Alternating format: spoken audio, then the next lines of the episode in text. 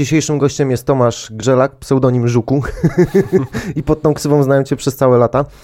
E, jesteś rowerzystą amatorem. No teraz to już bardziej profesjonalistą. Już teraz nawet profesjonalistą, no. ale nie żyjesz z tego, to nie jest twoje nie, zajęcie. Nie, absolutnie. E, pracujesz, pracujesz zawodowo w zupełnie innej branży, zajmujesz się czymś innym, natomiast rower w pewnym momencie twojego życia stał się jego bardzo ważną częścią. I teraz chciałbym cię zapytać, o czym też nie wiedziałem, a wyszło przed naszą rozmową. Właściwie skąd ty się na tym rowerze wziąłeś? Kiedy zacząłeś jeździć jak to było? Bo jak na gościa, który robi no, setki czy tysiące kilometrów, to, to, to, to jest ciekawa historia. No, no, nie było to takie standardowe jak u większości ludzi, że w wieku, nie wiem, 4-5 lat z pomocą taty czy mamy i małego rowerka zakończonego kijem nauczyli się jeździć po prostu. No jakoś tak wyszło, że no nie było tej nauki jazdy na rowerze i nie przeszkadzało mi to, nie było mi to potrzebne. No i po prostu... Ile miałeś lat, jak wsiadłeś na rower? Jak wsiadłem na rower, czyli pierwsza nauka na Sujczym Wzgórzu Y, była w wieku 20 lat. Wow. Bo wtedy grupa moich przyjaciół, których pozdrawiam ze Switchego serdecznie, stwierdziła, że nie może tak być, że dorosły facet 20-letni no, nie potrafi jeździć na rowerze i wzięli sobie za punkt honoru, że no, nauczą mnie, choćby miały być trupy z tego, jakieś ofiary, nie? No i wsadzili mnie na ten rower. Poszliśmy, pamiętam, wtedy na boisko za biblioteką. Kto ma wiedzieć, ten wie. I... To już Orlik był? Tak, to już był Orlik. A, czyli było miękko w miarę, tak. nie było żwiru ani betonu. Ale nie było że zbytnio szkolenia, po prostu się siedli sobie na trybunach z piwem i stwierdzili, że no nie zejdę z tego roweru, dopóki się nie nauczę jeździć. No i no, kilka razy, kilka razy, no i no, nie, nie udało się, nie? I zapomnieli o tym pomyśle i za jakiś czas znowu im się przypomniało, znowu ta sama akcja. No i tym razem w pewnym momencie zacząłem jechać, nie tracąc równowagi. No to nikt z kikiem za tobą nie biegał. Nie, nie, oni byli zajęci wtedy sobą jeszcze i Kółka i dopiero jeden z, jeden z kolegów, nie, nie, nie, jeden z kolegów y, Damian, Damian B yy, powiedział coś w stylu chłopaki, on jedzie. I wtedy mi się zapaliła taka muzyka, jak jest mm, I believe I can fly. No i w tym momencie jakby zatrzymałem się i myślałem, że takie jednorazowe to było, ale w tym momencie zacząłem pedałować drugi raz i to już było naturalne jak, jak oddychanie i, i w tym momencie no jakby to mnie złapało i potem była jeszcze jedna lekcja, lekcja podjeżdżania na stojąco. Stwierdzili, że nie mogę cały czas jeździć siedząc na siodełku, no bo to jest bez sensu, bo się będę męczył na podjazdach, nie? No to zdjęli siodełko, stawili samą rurę i powiedzieli albo będziesz cierpiał, albo, albo się nauczysz jeździć na stojąco, nie? A, no, dobra metoda, nie? No, taka, taka brutalna, ale, ale pomogła. No i... Ale nie siadłeś? Nie, nie siadłem. I co, i tak to poszło? Zacząłeś jeździć na rowerze? No i tak to zacząłem jeździć na rowerze. Na początku jeździłem tylko po chodnikach, jak taki klasyczny rowerzysta polski. Yy, przeprowadzałem za każdym razem rower przez jezdnię, nie przejeżdżałem tak jak trzeba, no bo się bałem po prostu tych kierowców. I na początku robiłem takie krótkie dystanse, bardzo często w te same miejsca. Na rowerze matki oczywiście, bo innego nie miałem wtedy, na takiej damce. No i czasem wydłużałem te, wydłużałem, wydłużałem te, te jazdy i, no i w końcu yy, mama, która jedzie na tym rowerze bardzo rzadko, zaczęła widzieć, jak on się degraduje od częstej jazdy od tego, że ja go nie serwisuję, nie smaruję i tak dalej, i tak dalej. No i, no i w końcu widziała tą moją zajawkę i stwierdziła, że no czas, czas po prostu to się tak służyło z dobrymi ocenami na koniec roku szkolnego i kupi mi rower, nie? No i wybraliśmy rower, wiadomo, aluminiowy, amortyzator, te sprawy, hamulce tarczowe, nie, szerokie opony i no i wtedy to był jak, jak stryknięcie palcami, no po prostu to, wtedy się wszystko zmieniło, nie? Potem z, za jakiś czas doszedł strój rowerowy, spodnie z wkładką, taki... To były jeszcze te czasy, że się nie chodziło publicznie w obcisłych galotach z pampersem, czy, czy, czy już to było tak akceptowane? Znaczy się, no ciężko mi powiedzieć, ja nigdy nie miałem z tym problemu. Mhm. No, uważam, że jest to taki jakby element sportu, który pomaga. No, nie ma obowiązku w tym jeździć, no ale jest jak... wygodniej, nie? Tak, szczególnie jeśli się myśli o tych tysiącach kilometrów rocznie, no to no nie wyobrażam sobie jeździć inaczej. No. no i jak się to zaczęło tak na poważnie, no to pierwszy raz postanowiłem, a może by jechać gdzieś dalej niż poza Sujcze. Jest dobrze, jest dobrze. No i pomysł padł na ogrodzieniec, no tylko niestety nie bocznymi drogami, tylko uzdurałem sobie, że pojadę 7-9 bodajże krajówką. Mhm. No i no, droga wtedy jeszcze nie była wyremontowana, no wiadomo, było pobocza. No, nie było pobocza, kierowcy też, wiadomo, różnie do tego podchodzą, no. Ale dojechałem, zajęło mi to cały dzień, łącznie z powrotem. No i byłem, byłem szczęśliwy, byłem bardzo zmęczony, byłem szczęśliwy, nie wiedziałem do końca jak tego, jak, y, jak wrócę, czy nie brałem pod uwagę pociągu. To były jeszcze takie czasy, kiedy nie woziłem z sobą pompek, dentek, y, nawet powiedziałbym szczerze jedzenia, ani nawet pieniędzy, żeby coś sobie w razie czego kupić, ewentualnie iść na pociąg. No. Wtedy jeszcze byłem y, w sumie zamkniętym człowiekiem, y, zamkniętym na pomoc ludzi, bo pamiętam jak y, pewnego razu z Ogrodzieńca wracałem, y, wracałem pieszo z rowerem, całe 60 km.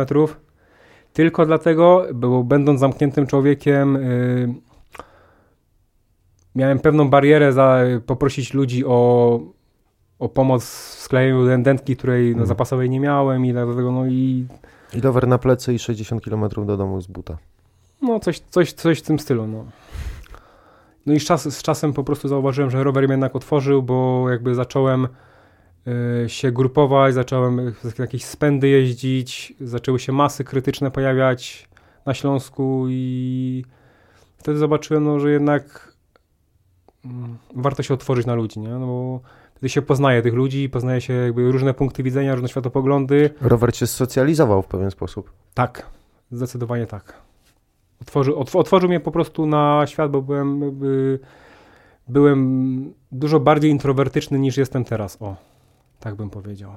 To dzisiaj też takie kolejne wyjście gdzieś poza strefę komfortu dla ciebie przed mikrofonem opowiadać o tym? Zdecydowanie. Tym bardziej, że mój głos brzmi dla mnie co najmniej dziwnie. No. Nie, brzmi normalnie, brzmi dobrze, e, ale to też jest taki efekt, wielokrotnie mi to tutaj gdzieś przy rozmowach wychodzi, że jak ktoś siebie nie słyszał, no to mm, jest taka bariera, no bo ja tak przecież nie brzmię na co dzień, no tak brzmisz. E, Wracając, wracając dalej, e, jak to wyglądało później? Mm, Bo w tej chwili no, masz trasy rowerowe praktycznie chyba już na całym świecie zaliczone. No, dużo tych wyjazdów było na, No, trochę ich było. No, powiem tak, zawsze jak już się bardzo wkręciłem i po tym ogrodzieńcu przyszła jakaś Wisła, przyszło Zakopane na raz. Yy, jednego dnia do Zakopanego i z powrotem, czy? Tak, i przyznam się, że spałem 4 godziny w lesie, przypinając rower do siebie, bo nie było stojaków, ale byłem tak zmęczony, że no, dalsza jazda mogła się skończyć wypadkiem. No, po prostu spałem na stojąco, nie? Czyli można zasnąć za, na, Tak. na kółku, nie za kółkiem. Tak, i potrafiłem, y, potrafiłem jechać na przykład do Cieszyna, tylko po to, żeby przekroczyć granicę, nie wiem, zjeść lody w Cieszynie i po prostu wrócić, nie? Dla samej, to, to była taka frajda, to ja pamiętam to tak, że cieszyłem się po prostu jak, jak dziecko, które dostało wymarzoną zabawkę na święta. Wystarczyło mi po prostu, wystarczył mi rower, A to był na początku rower, rower y, góral tak zwany. czy ten, ten dobry to już tak, to był Mhm. góral. Bo, Mm, Szerokie opony, no dokładnie tak, no, tarczowy, no to ciężkie to też było do jazdy po, po asfalcie. znaczy największym problemem były jednak opony.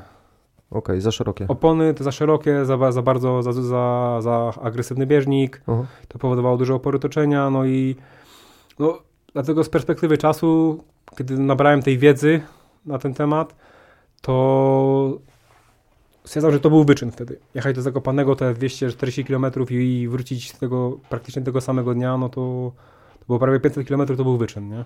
No. No, no najwię- największą zmianą y, w jeździe na rowerze, no właśnie była zmiana opon na, na gładkie. Na szosówkę. No nie, na takie trekkingowe opony typowe, Aha, nie? No. okej. No ale gdzieś tam w tej głowie jednak w, międzyczasie jeszcze właśnie jeździłem do pracy. To też, to też jest ważny element, bo no, rower to nie, nie tylko jakby przyjemność, ale też jakby załatwianie spraw, czy urzędy, czy sklepy. Bo ty nie jeździsz, nie jeździsz autem w ogóle, komunikacją miejską też raczej chyba unikasz. No unikam, unikam, unikam. Cały rok rower. Tak, cały rok zdecydowanie.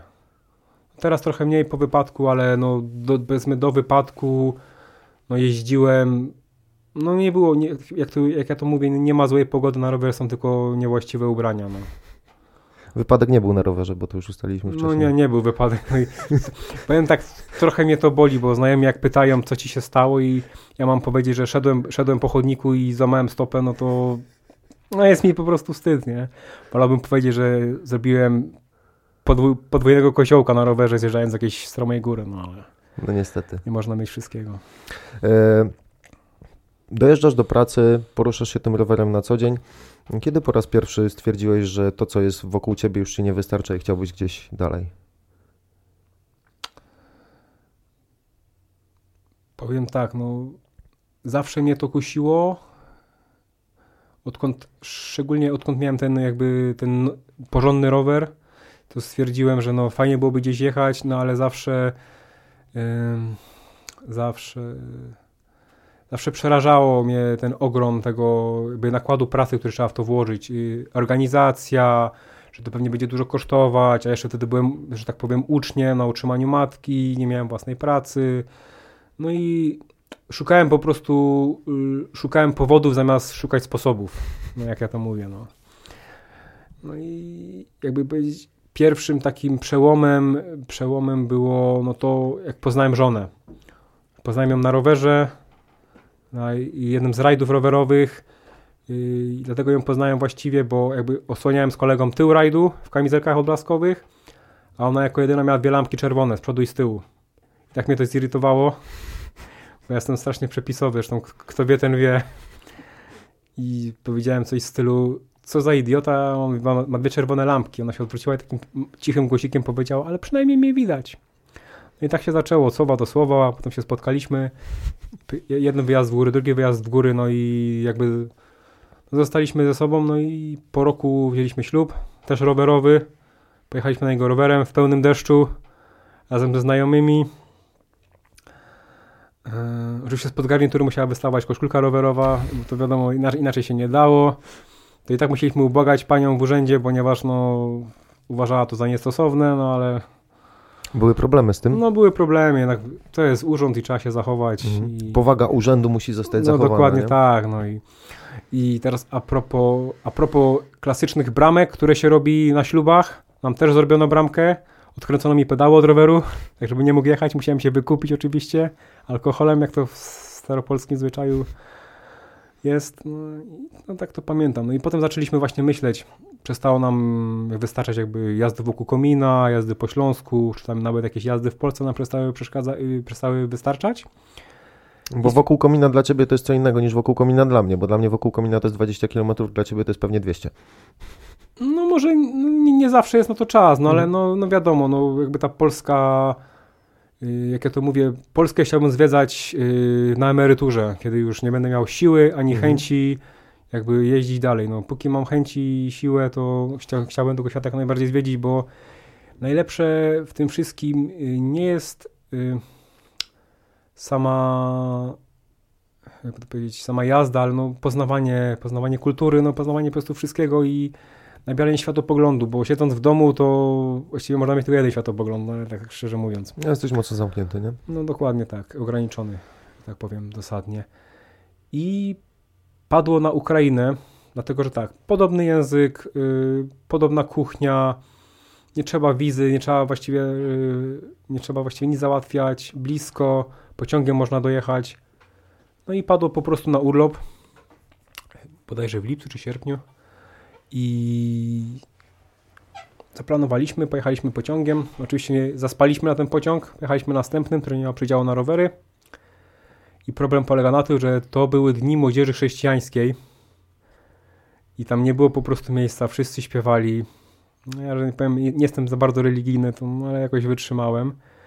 I dojechaliśmy do Przemyśla, z którego udaliśmy się już rowerami w kierunku e, w kierunku z Lwowa. Mhm. No i wiadomo, no i ludzie, ludzie bardzo pozytywnie podchodzili. Który to był rok, pamiętasz? 2016. Czyli świeżo po pierwszej wojnie.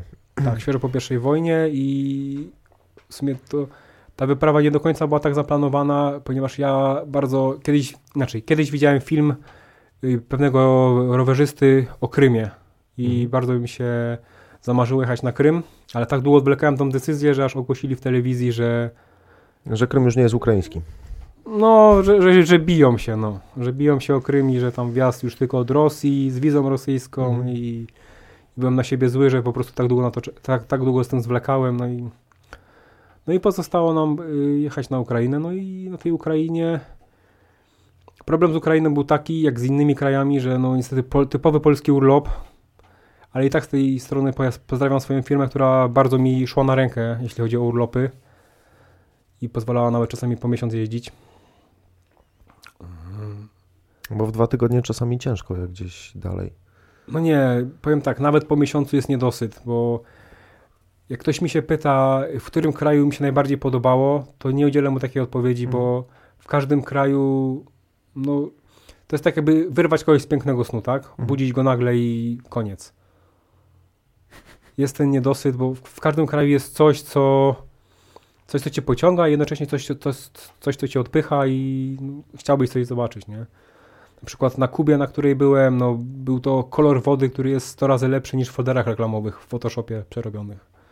To jest nie do opisania taki kolor wody, życzliwość ludzi, zupełnie inna kultura, no i ten klimat PRL, którego, dzięki któremu właśnie zdecydowałem się na Kubę, nie?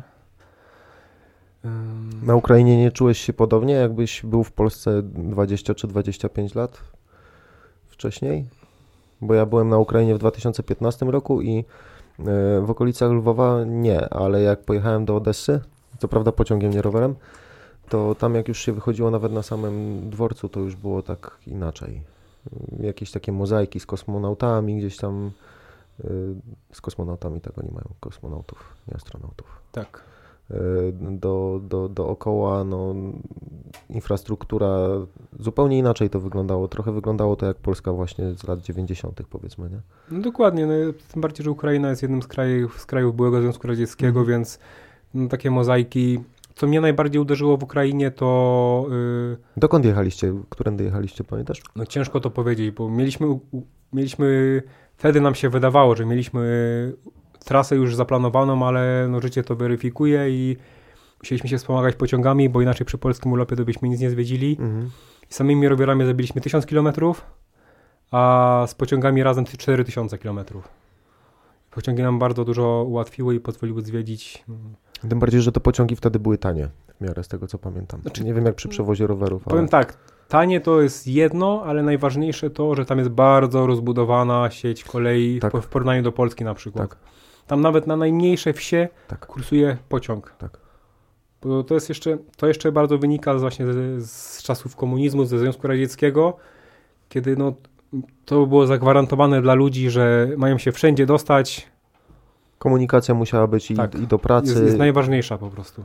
No tam, tam infrastruktura kolejowa była mega, to faktycznie można było w każde miejsce dojechać. Tak. I te mozaiki, o których mówisz też, to jest jedna z rzeczy, która mnie najbardziej urzeka w krajach byłego Związku Radzieckiego. No bo trochę tego zwiedziłeś, nie? Po Ukrainie, po Ukrainie też był wschód. Po Ukrainie też był wschód, to był Kazachstan i Kirgistan. To już w porównaniu do Ukrainy to była inna planeta. Dlatego w filmie, w filmie o Kazachstanie jest porównanie właśnie do wyprawy w kosmos.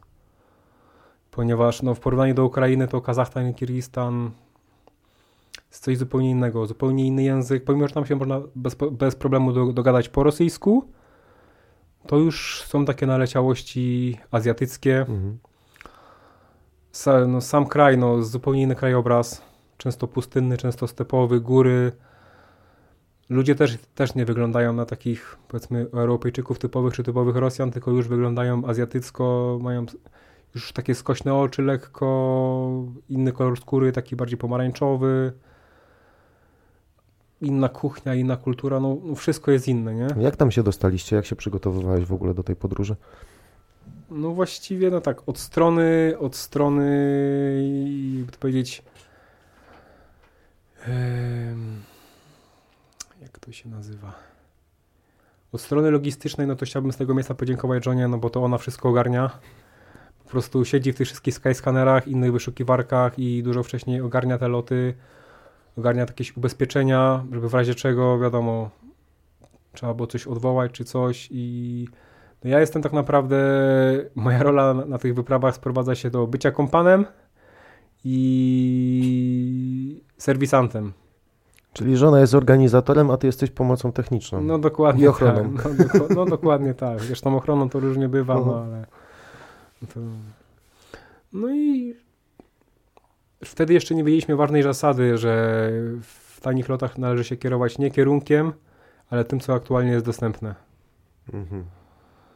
Bo na początku właśnie wybieraliśmy te kierunki no i nie zawsze było tanio, no ale za bardzo skupialiśmy się na, na konkretnym kierunku i, i, i to był problem.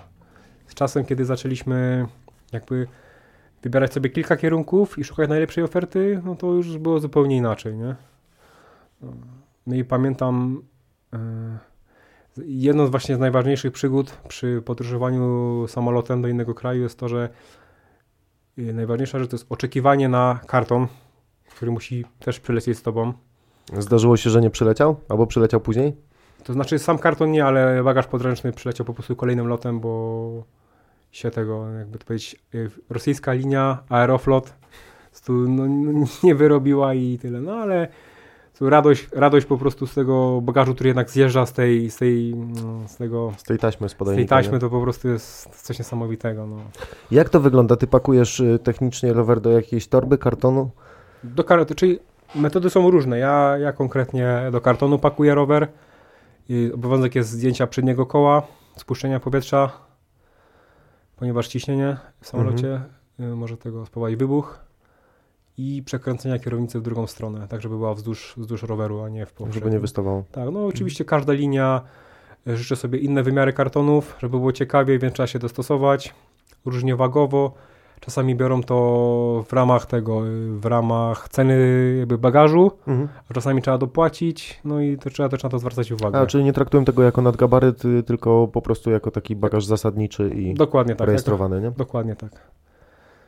No i Jak się, jak się spakować? No bo jeżeli ty mówisz, że jedziecie na, yy, na polski urlop, no to rozumiem, że dwa tygodnie, no ale gdzieś dalej, no to już w okolicach miesiąca. Yy, musisz przede wszystkim tak zapakować rower i zmieścić ciuchy, które pozwolą ci się zabezpieczyć przed pogodą, bo to już dokładnie wyszło. tak. tak. I jeszcze to musisz wszystko na plecach, czy w W sakwach. sakwach, w sakwach, zdecydowanie w sakwach. Jest różnica. To był kolejny kamień milowy, bo ja- też całe życie, dopóki nie jeździłem na wyprawy, jeździłem z plecakiem, Mhm. nie miałem bagażnika i to był taki mój styl, jak to mówię, MTB. Mi się bardzo podobało i a z czasem jak kupiłem swoje pierwsze sakwy z demobilu, takie wojskowe, to, to po prostu trochę się jakby postarzałem w tym momencie, bo mi się to zawsze kojarzy z takim odciążeniem pleców, Mhm. ale to wygoda jest po prostu nieporównywalna, nie? I można dużo więcej zapakować, a na, na tym. A z plecakiem jest taki problem, że nie dość, że bolą plecy, to boli krocze, bo od nacisku większego ciężaru na siodełko. No, dokładnie grawitacja robi swoje i i tak, do kartonu też nie można włożyć y, więcej teoretycznie, no ale ludzie tam wkładają różne rzeczy, takie, które są niedozwolone na pokładzie, a które można przewieźć w kartonie. Czyli traktować to należy jako, jako ten bagaż rejestrowany i, i tyle. I tam pakujesz wszystkie rzeczy, które potrzebujesz w jakieś środki higieniczne, no bo tego nie można, prawda? Tak, no nie zdarzyło nam się nigdy, żeby, żeby nam te kar- kartony rozbierali, aczkolwiek no, trzeba mieć to pod, no, pod, brać pod uwagę, że może tak być, bo to jest zgodnie z prawem. I Okej. Teraz tak, y, kolejną, kolejnym elementem wyprawy jest pakowanie się w domu, które też jest, nie obywa się bez emocji. Jak się ktoś kiedyś pakował na wakacje, to wie. No i jak, się, jak bardzo się można pokłócić przy tym, i ile, ile złych słów wy, wychodzi z człowieka wtedy i jak cz- człowiek pokazuje swoją prawdziwą twarz tak naprawdę, nie? Jest taki miły, ułożony, a tu nagle no... um, Potem kolejna rzecz, rozpakowywanie się już na lotnisku, kiedy ten karton przyjdzie. Trzeba walczyć wtedy w momencie ze zmęczeniem, z tak zwanym jetlagiem, czyli z zmianą strefy czasowej, no i no i często wzbudza, wzbudza się, jakby to powiedzieć, wzbudza się zainteresowanie jakby lokalnych ludzi, autochtonów, co tam się dzieje, a czemu, czemu tutaj tego, czemu te rowery tutaj. No to ochrona się interesuje lotniska, wiadomo, ludzie też. Jesteście atrakcją od razu na Jesteśmy, wlocie. no szczególnie jeśli, jesteśmy jedynymi, jedynymi rowerzystami, nie? Bo są, Mhm. są kierunki, w których ten jakby ruch rowerowy jest większy i wtedy to nie jest takie. Są, są nawet lotniska, na których są stojaki rowerowe, specjalne serwisowe, na których taki rower można złożyć, naprawić. Są automaty z dętkami, z narzędziami, więc... Na lotniskach. Dokładnie tak. Nie wiedziałem o tym. No. Tylko to jest już bardziej tych, nazwijmy to, cywilizowanych krajach, Mhm. tych takich bardziej nastawionych na turystykę rowerową. A wschód taki nie jest. No nie, wschód musiałby się dużo nauczyć, ale poniekąd taka dzikość też, też ma, też jest taką, taką przyprawą w tej, w tej, w tej, w tej nazwijmy to potrawie podróży, jest taką przyprawą, takim nie wiem jak nazwać, takim chili, coś tamtego, bo zdarzyło mi się na przykład ukręcić jakąś śrubę, nie miałem zapasowej na lotnisku i musiałem żonę wysyłać na swoim rowerze, który akurat był złożony do jakiegoś sklepu i kombinować. No. Uzupełnianie części po prostu. Tak, no, Ma ja, MacGyver. Tak? Ja i tak jestem po prostu świrem, jeśli chodzi o narzędzia, bo no, ja, ja średnio na wyprawę biorę 4,5 kg narzędzi samych i części zapasowych, typu śrubki, podkładki, jakieś, nie wiem, no coś, co mogłoby się zepsuć. Z wyprawy na wyprawę ta lista się teoretycznie powiększa, bo jak coś się psuje, to człowiek łapie taką lekką traumę, że to się może znowu popsuć i bierze to w zapasie, nie? Czasami niepotrzebnie. Tak samo co wyprawę obiecujemy sobie zrobić listę rzeczy, które nam się nie przydały, żeby ich nie zabierać. Mhm. No i tak popełniamy te same błędy, no, jako istoty ludzkie. Ja mam nawet na komputerze tutaj listę rzeczy, które pakuję na wakacje i zacząłem to robić regularnie, zmniejszam ją. Nie powiększam. No ja Patrzę, co mi się nie przydaje właściwie i czego mi brakowało i staram się ograniczyć. Ostatnio mi się udało pakować na, na tydzień już do takiego worka, nie? Takiego, nie wiem jak to się nazywa, no do bagaż podręczny, żeby mm. mi się tam mieścił, nawet dla wymiarów Ryanaira, nie? Także jestem coraz lepszy. No też bym tak chciał, ale mam, mam takie jeszcze przyzwyczajenie sprzed właśnie sprzed wypraw, że zawsze woziłem całą torbę narzędzi i części dzięki temu na jakichś wspólnych wyjazdach, czy to ze znajomymi, czy to czy to samemu, no po prostu no, byłem niezależny, nie? Ja zawsze byłem takim introwertykiem i jakby nie lubiłem się o nic prosić i lubiłem być samowystarczalny i z tego to się właśnie wzięło. No. I co, lądujecie w takim Kazachstanie? Tak. Wysiadasz już zupełnie inna wilgotność, zupełnie inna temperatura, składasz rower na lotnisku. Jak, jak wygląda planowanie? Macie tą trasę z góry określoną, czy zakładasz tak, że jedziesz w jakimś kierunku i co się wydarzy, to się wydarzy? Pierwszą najważniejszą rzeczą jest yy, zastanowienie się, co z kartonem. Ponieważ kraj może się okazać bardzo mocno nierowerowy i uzyskanie ponownie kartonu przy wylocie może okazać się niemożliwe. Właśnie. I teraz tak, akurat na, w Kazachstanie nam się udało, bo jest przechowania bagaży gabarytowych i tam nas skasowali bardzo dużo, ale tylko prawdopodobnie za kolor skóry. I najdroższy karton w życiu. Mm, akurat Kazachstan nie był najdroższym kartonem, ale, ale no po prostu i no wyciągali po prostu ręce po taką zwaną łap, w łapówkę mm. i po prostu, ale udało się ten karton przechować i po prostu czekało na nas. Na przykład na Kubie już nie było tak dobrze, nie było takiego miejsca, nie pozwolili nam, jak próbowaliśmy schować za, za koszami na śmieci, za kubłami, to, nas, to nam grozili policją i skończyło się tym, że z powrotem. Musieliśmy, pozbieraliśmy kartony po telewizorach ze śmietników, po jakichś dużych wentylatorach i sklejaliśmy je na szybko i jako, jakoś się udało. No. Druga sprawa, jeśli mo, można jeszcze spróbować tak, że yy, przy pierwszym, pierwszy nocleg sobie zarezerwować mhm. i tam poprosić, Spróbować. tak. Tylko, że teraz, jeśli się ten rower złoży i zostanie karton, to mhm. trzeba dowieść ten karton. Mhm. Więc my go bierzemy na bagażnik. Czym też wzbudzamy, jakby powiedzieć. Jedziesz z telewizorem na plecach. No tak, no szczególnie w krajach powiedzmy azjatyckich, gdzie transporty takich gabarytów to jest normalność, mm. więc tam się zyskuje już na starcie szacunek, nie? To jest bia może biały, ale swój. tak, nie? ale wie o co chodzi, nie? Tak. No. Jak już się ten karton ogarnie, no to w tym momencie mamy, zawsze mamy jakiś zarys, co chcielibyśmy obejrzeć. Nie lubimy, że tak powiem, miejsc y, jakby turystycznie zaludnionych. Lubimy zjechać z głównych dróg, poznać, poznać kraj, jakby to powiedzieć, od jego, mm, nazwijmy to, najgorszej strony, tej, której nie, nie, zawsze chcą pokazywać, tak? Mhm. Bo są kraje, które jakby spychają cię na, hmm, jakby to powiedzieć, na utarty szlak turystyczny, tak? Dokładnie tak. No coś takiego jak, jak jest w Korei Północnej, że dostaje mhm. się przewodnika i nie wolno ci go opuszczać, żebyś przypadkiem nie zobaczył cierpienia ludzi. Mhm. No i tym się staramy, staramy kierować. No. Chcemy zobaczyć coś pięknego, e, chcemy poznać kulturę, spróbować kuchni, no a jest to ciężkie w resortach turystycznych, ponieważ tam wszystko jest przygotowane pod białasów, skrojone na, na miarę mhm. pod białasów i Biały ma być zadowolony, zostawić jak najwięcej hajsu, nie ma w tym nic lokalnego, autentycznego. No dokładnie tak, już, a już na przykład najbardziej bolały mnie takie sytuacje w Birmie, Mhm. na takim słynnym jeziorze Inle, gdzie są rybacy na łodziach, którzy po prostu mają płacone za to, że robią jakieś figury akrobatyczne z tymi sieciami, wiesz, po prostu te wszystkie zdjęcia w internecie, na tych wszystkich portalach społecznościowych, gdzie ten rybak zarzuca, po prostu jest pięknie uchwycone, to, to jest wszystko, to jest pokazówka, no. Rybaków zatrudniałem, żeby dobrze na Instagramie wyglądali. Dokładnie. Tam jest cała wioska w ogóle na, na jeziorze, są sklepy na jeziorze i wszystko wiadomo, wszystko jest. No to, że są pamiątki, no to wiadomo, chcą zarobić, no ale y, to, to jest tak jak słyszałem kiedyś, że w Afryce są ustawione safari, po prostu tubylcy niby przychodzą i pierwszy raz widzą białego człowieka, co jest bzdurą. No.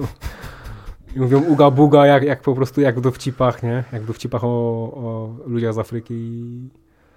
No i tyle. No, albo jak, jak ta najsłynniejsza kobieta, która ma te, jak to nazwać, obrączki? Te, Ten na szyję Tak. wyciągnięte, tak? Te, tak, ta, która ma właśnie Mhm. najwięcej tych obrączek, po prostu Mhm. też siedzi smutna i jak ktoś podchodzi, daje pieniążka, pojawia się uśmiech na twarzy Mhm. u niej i robi się z nią zdjęcie, nie? No, byśmy się na to nie zgodzili, bo ponieważ no, dla nas nie chcieliśmy wykorzystywać jej cierpienia, nie? A widzieliście, tak? Tak, widzieliśmy ją na żywo, ale no Ta szyja tam chyba około pie- 20. tak. No, naj, no najgorsze jest to, że nie może tych ringów zdjąć, ponieważ Złamie karka. tak, ponieważ on jest już tak osłabiony, tak wyciągnięty, no i Bo to dziecka im nakładają, z tak, tego co wiem, nie? co najgorsze, mamy XXI wiek, a wciąż są, są takie rzeczy praktykowane. I to było w Birmie. Tak, to było w Birmie dokładnie. A dokładnie w Mianmie. Okej. Bo No, oni zmienili nazwę. zmienili nazwę na, na Mian, Myanmar, Myanmar, różnie to tam czytałem, nie? Mieliście tam chyba towarzystwo. Tam, tak, to był jeden z tych krajów, w których y, nie lubi się, jeśli biały widzi za dużo. Y, To tak jeszcze wprowadzając, nie wiem jak teraz, ale parę lat temu nie można było tam wjechać y, drogą lądową ze względu na, na obecność w okolicach granic lądowych y, Birmy czy tam Myanmar y, obozów. Mm, Takich obozów internowania, zagłady poniekąd, z tego co słyszałem. No to jest kraj, który szczyci się turystyką, ale tam się dużo, jeżeli chodzi o prawa człowieka, to tam się bardzo dużo rzeczy złych dzieje, z tego co mi wiadomo. Tak, tylko te obozy są oficjalnie nazywane walkami w granicach państwa. Dlatego się tam nie, jakby nie zaleca za, zapuszczać turystom. A, czyli sprzedają to jako formę konfliktu wojny domowej takiej? Tak, że wokół, wokół wszystkich, y, że Birma się bije dosłownie z każdym państwem wo- wokół siebie i że wszystko jest prowadzone w granicach, w granicach państwa, dlatego środek kraju, prosta droga i nie wychylać się. Okej. Tak. Tak to jest właśnie tego. No są częste posterunki policji, no teraz już po prostu po puczu kolejnym, kiedy znowu junta wojskowa doszła do władzy, no... No i na każdym posterunku jest oczywiście długa broń, karabiny, Aha. sprawdzanie, no ale Gość 1,50 m z karabinem 1,80 m? Dokładnie, poza tym tego, na tych dodatkowo jakby y, y, no jest, jest po prostu klimat, ponieważ te posterunki są tak jakby z worków z piaskiem, Aha. są takie usypane, są tylko takie małe okienka, z których wystaje karabin. Za, tego, za, za, za tych worków wychodzi jakby drugi, drugi, drugi wojskowy i sprawdza dokumenty i dalej, nie? Jak to było z tym towarzystwem? Bo o tym już rozmawialiśmy, Znaczy- jak się spotkaliśmy w ogóle. O tym się, o tym się naczytałem wcześniej, Mhm. jakby robiąc taki research przed wyprawą. I no i różni ludzie pisali, że są ci agenci, że nie ma tych agentów. No i myśmy stwierdzili, no zobaczymy co będzie. No i wyjechaliśmy i przez to właśnie, że się nasłuchaliśmy tego, mieliśmy wrażenie, że jedzie na, za nami gość na skuterku, yy, ubrany właśnie w taki strój lokalnego policjanta i, i że nas śledzi. No to zaczęliśmy się między sobą komunikować, że zobaczymy, czy tak faktycznie jest. No i jechaliśmy główną drogą i nagle to dawaj do wioski tu w prawo, nie? Tam, tam za tymi palmami czy coś takiego i, i on za nami, nie? No i stanęliśmy za chwilę. Czyli nie mieliście informacji oficjalnej, że ten pan zapewnia wam tu, jest waszym przewodnikiem? Nie, nie, nie, lokalnym. absolutnie. Nie mieliśmy takiej informacji. Po czym się zatrzymaliśmy, żeby tak ni- niby, niby żeby się napoić, odpocząć trochę. No i pan się w takiej jakby bezpiecznej odległości, żeby się nie rzucać w oczy, też zatrzymał, nie? No, a, i, a najgorzej było to, że pierwszego dnia, właściwie pierwszy nocleg, jaki sobie rozbiliśmy w namiocie, gdzie też w Birmie jest oficjalny zakaz noclegu poza, poza oficjalną infrastrukturą, czyli hotele, tak mhm. tak dalej, tak dalej, tak dalej. Oczywiście też jest tłumaczony bezpieczeństwem, że mogą nas napaść, tak dalej, nie? Ale wiadomo, że dudki trzeba zostawić. Kraj też trochę żyje z turystyki jednak. I, I wtedy było strasznie w tym namiocie, ponieważ wszyscy, którzy jakby przechodzili, bo myśmy się skryli w wiosce z daleka jakby tego, od otwartych dróg, ale mieliśmy wrażenie, że każdy skuter, który przejeżdża, to jest, to jest agent i no i gasili, gasiliśmy, gasiliśmy latarki, czołówki, po prostu staraliśmy się być cicho, jakby ograniczać wyjścia do, jakby do, do toalety, mhm. że tak powiem. No ale już jakby z, z, każdym kolejnym dniem jakby zaczęło nas to tak, zaczęło to po nas spływać i stwierdziliśmy, czy będziemy mieć tego agenta, czy nie, no to co, co za różnica i jakby przestaliśmy się stresować. No, ale na początku było to takie niemiłe, nie? Ale cały czas jedna osoba gdzieś tam za wami podążała? Znaczy, czy to było kilka osób, nie wiesz? Wydaje mi się, że to było przez pierwsze 2-3 dni, a hmm. potem myślę, że najbardziej temu panu się nie podobało, że nie lubimy asfaltowych dróg, tylko bezdroża, jego skuterek sobie z tym nie radził. Aha, i trochę go wytelepało. Tak, i podejrzewam, że... Stwierdził, że odpuści. I podejrzewam, że to jakby to też nie było z jego woli, tylko dostał taki no prykaz odgórny i... Taka praca. No, taka praca. Wracając do, do podróży, yy, gdzie dla Ciebie było które, może inaczej, które miejsce dla Ciebie było jakby największym szokiem kulturowym? Największym szokiem kulturowym? Że wiesz, wysiadasz w innym świecie. Hmm.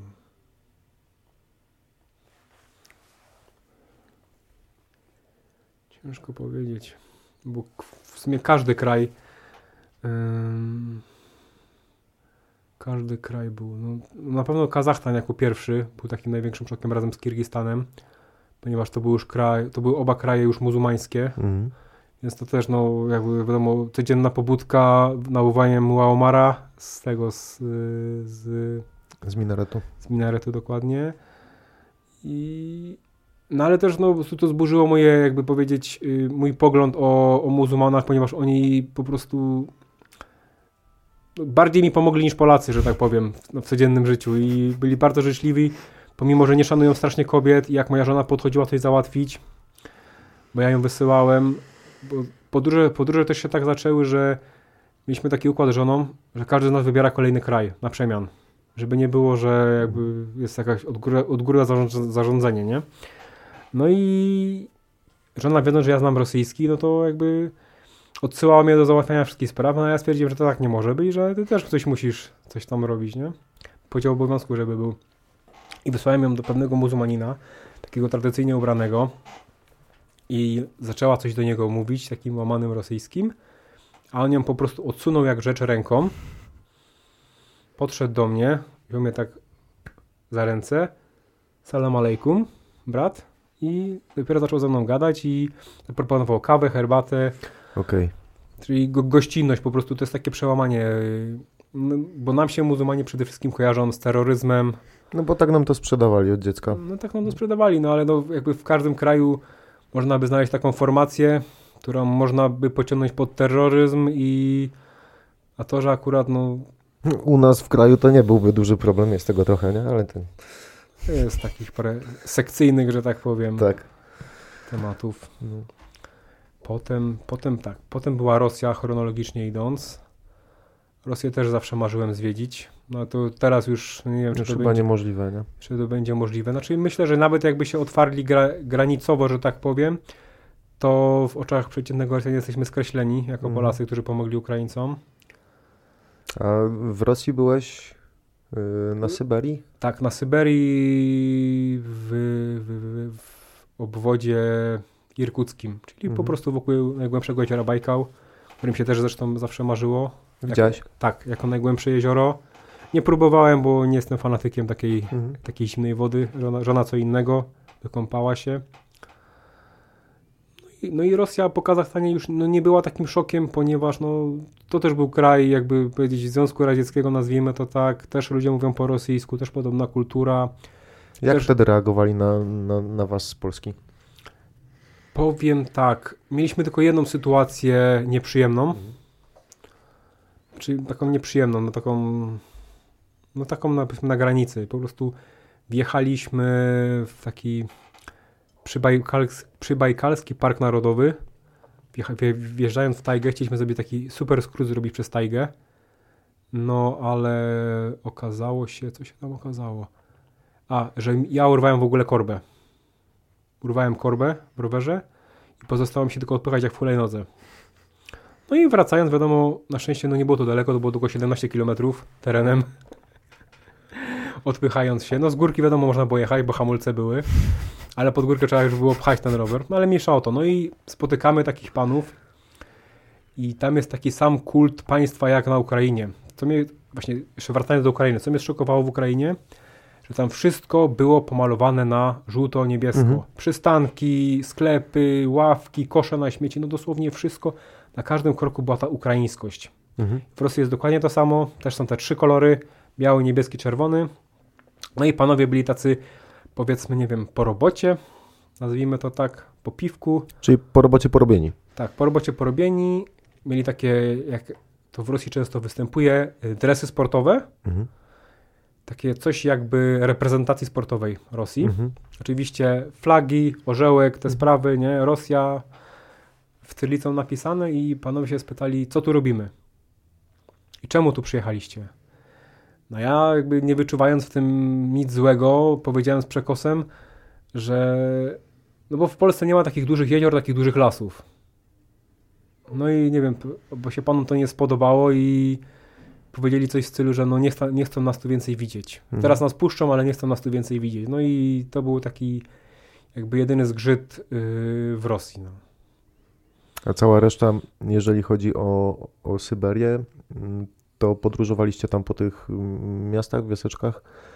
Jak to wyglądało? Bo ja słyszałem, że, że tam jest trochę inna ta Rosja niż Moskwa na przykład, nie? Ludzie są inni, że, że, że kultura jest inna. W- Jakby Rosja jest prawosławna, ale tam na Syberii na przykład ten szamanizm gdzieś podobno wychodzi. Spotkałeś się z tym? Tak, spotkałem się z szamanizmem, no ponieważ jakby e, rejon Ba- Bajkału już graniczy blisko z Mongolią Mhm. i tam, tam jest taka grupa etniczna, która się nazywa Burjaci. Mhm. Yy,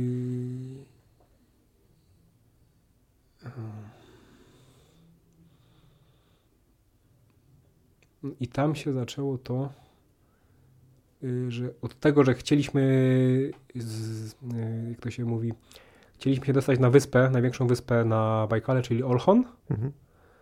No i tam na Olchonie jest największe, jakby to powiedzieć, zagęszczenie, zagęszczenie buriatu, zagęszczenie buriackiej kultury, które się objawia między innymi takimi wstążeczkami wiązanymi na, na drzewach, na słupach, które oznaczają mm, między innymi to, że naj, te najniższe, najniżej zawiązane wstążeczki przy samej ziemi są za tych, co się urodzili, te po środku za tych, co żyją, a te na, samym, na samej górze są za tych, co, Umarłych. co umarli. No i z takim typowym szamanizmem się nie spotkałem, chociaż liczyliśmy na to, no ale jednak Olchon się okazał bardzo turystycznym, turystycznym miejscem i na zasadzie nawoływania co chwilę do ekskursji, czyli do jakichś wycieczek Mhm. płatnych, czy to promowych, czy to jakimś tam jeepem w głąb lądu i tak dalej, i tak dalej. No i skończyło się na tym, że skończyło się na tym, że po prostu znaleźliśmy jakieś oddalone miejsce w lesie i rozbiliśmy namiot i podziwialiśmy Bajkał. Jak śpicie, to śpicie na dziko w większości, czy korzystacie z noclegów? Różnie, no jakby staramy się jak najwięcej spać w namiocie, nie tylko z oszczędności, ale przede wszystkim z, z tej niezależności, że Mhm. możemy po prostu, widzimy jakieś piękne, piękne miejsce, albo nie wiem, jesteśmy zmęczeni, stajemy tutaj, rozbijamy się i to, to jest po prostu, to jest wolność, którą daje rower. Ale nie zawsze, się, nie zawsze się tak da w niektórych krajach, różnie to bywa. Czasami też po prostu jesteśmy psychicznie wycieńczeni i potrzebujemy takiego resetu, takiego typowego domowego prysznica, Mhm. uprania ubrań na przykład, bo już czasami czujemy, że śmierdzimy i, no i wtedy się po prostu decydujemy na coś bardziej zorganizowanego, na jakiś booking, czy, czy lokalnie. No. W takich miejscach gdzieś tam daleko na wschodzie Booking też funkcjonuje. Bez większych problemów. Internet jest wszędzie już. Tak, Booking funkcjonuje nawet, nawet, na, na, nawet na kupie, na której większość takich portali jest poblokowana, ale ludzie znaleźli na to sposoby VPN-y, nie VPN-y i... I tak działają. Tak, działają po prostu. Tylko znowu, znowu na Kubie jest ten problem, że tam też nie wolno, chyba Kuba to jest chyba jedyny kraj, na którym ani razu nie nocowaliśmy pod namiotem. Ponieważ tam, Policja ściga? Znaczy nie tyle ściga, no Tam chyba chodzi o to, żeby tą gospodarkę też napędzać, nie? tak, no bo prawda jest taka, że gdyby turystyka upadła na Kubie, to, to ten kraj, ten kraj by Przestałby istnieć w pe- w pewnym stopniu. nie? Tak, byłaby tam wojna domowa. Zresztą ja się spytałem jednego człowieka, czemu tam kierowcy tak bezpiecznie jeżdżą. Nie dość, że trąbią z daleka, że się zbliżają, zachowują taki tego, nie? A koleś mi powiedział, że tam grupą przestępstw, które są najgorzej jakby karane, najbardziej karane, to są przestępstwa wobec turystów na Kubie. I oni, a po drugie, oni mają tyle swoich problemów na co dzień w życiu, że oni nie potrzebują nowych. Czyli jest bezpiecznie. Tak, Kuba, Kuba, Kuba jest bardzo bezpieczna, chociaż kilka razy nas próbowali naciągnąć, no ale to, to, No, był, to jest wszędzie. Ale to był Jesteś taki- biały, to masz to przewalone. był taki typowy turystyczny skam, po prostu wchodzisz na plażę, to płacisz za to, że piasek jest żółty i... A, no tak, Bo tak, nie? I tyle. No. A, a, skoro, a skoro, ma, skoro miałeś tyle pieniążków, żeby tu przylecieć do nas z Europy, to, to na pewno masz pieniążki, żeby... Żeby jeszcze tutaj zapłacić za piasek. No nie? dokładnie tak. To jest przypadek, że tak Cię interesują te kraje, no bo to wszystko jest gdzieś związane z, z, tego, z, o, z tego, o czym mówimy z blokiem wschodnim, nie? No Kuba też była gdzieś z wpływami tam rosyjskimi jeszcze za czasów zimnej wojny. tak. Tutaj Kazachstany, Tadżykistany, cała tamta strona, wiadomo, no Rosja, no to już sama w sobie. Ciągniecie do tego jakoś, czy to był przypadek, czy to nie Znaczy, wiem, moja ekonomia przy- zdecydowała? Moja przygoda ze wschodem zaczęła się no, w wieku kilku lat, kiedy pierwszy raz obejrzałem Wilka i Zająca. Zakochałem się po prostu w tym słynnym końcowym haśle Nu Pogodi, O, czyli pożałujesz.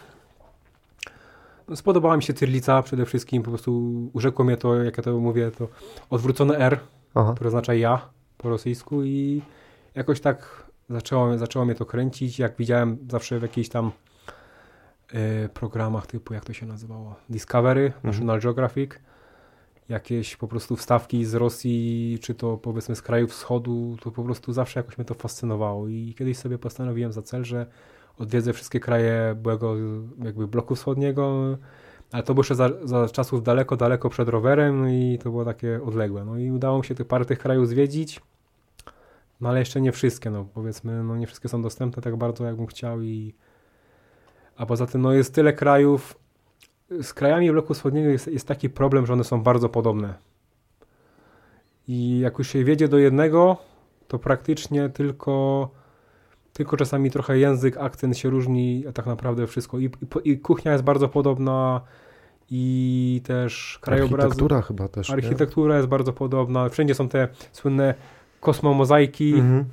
te, jak to, jak to się mówi na Ukrainie, te pięknie zdobione przystanki autobusowe.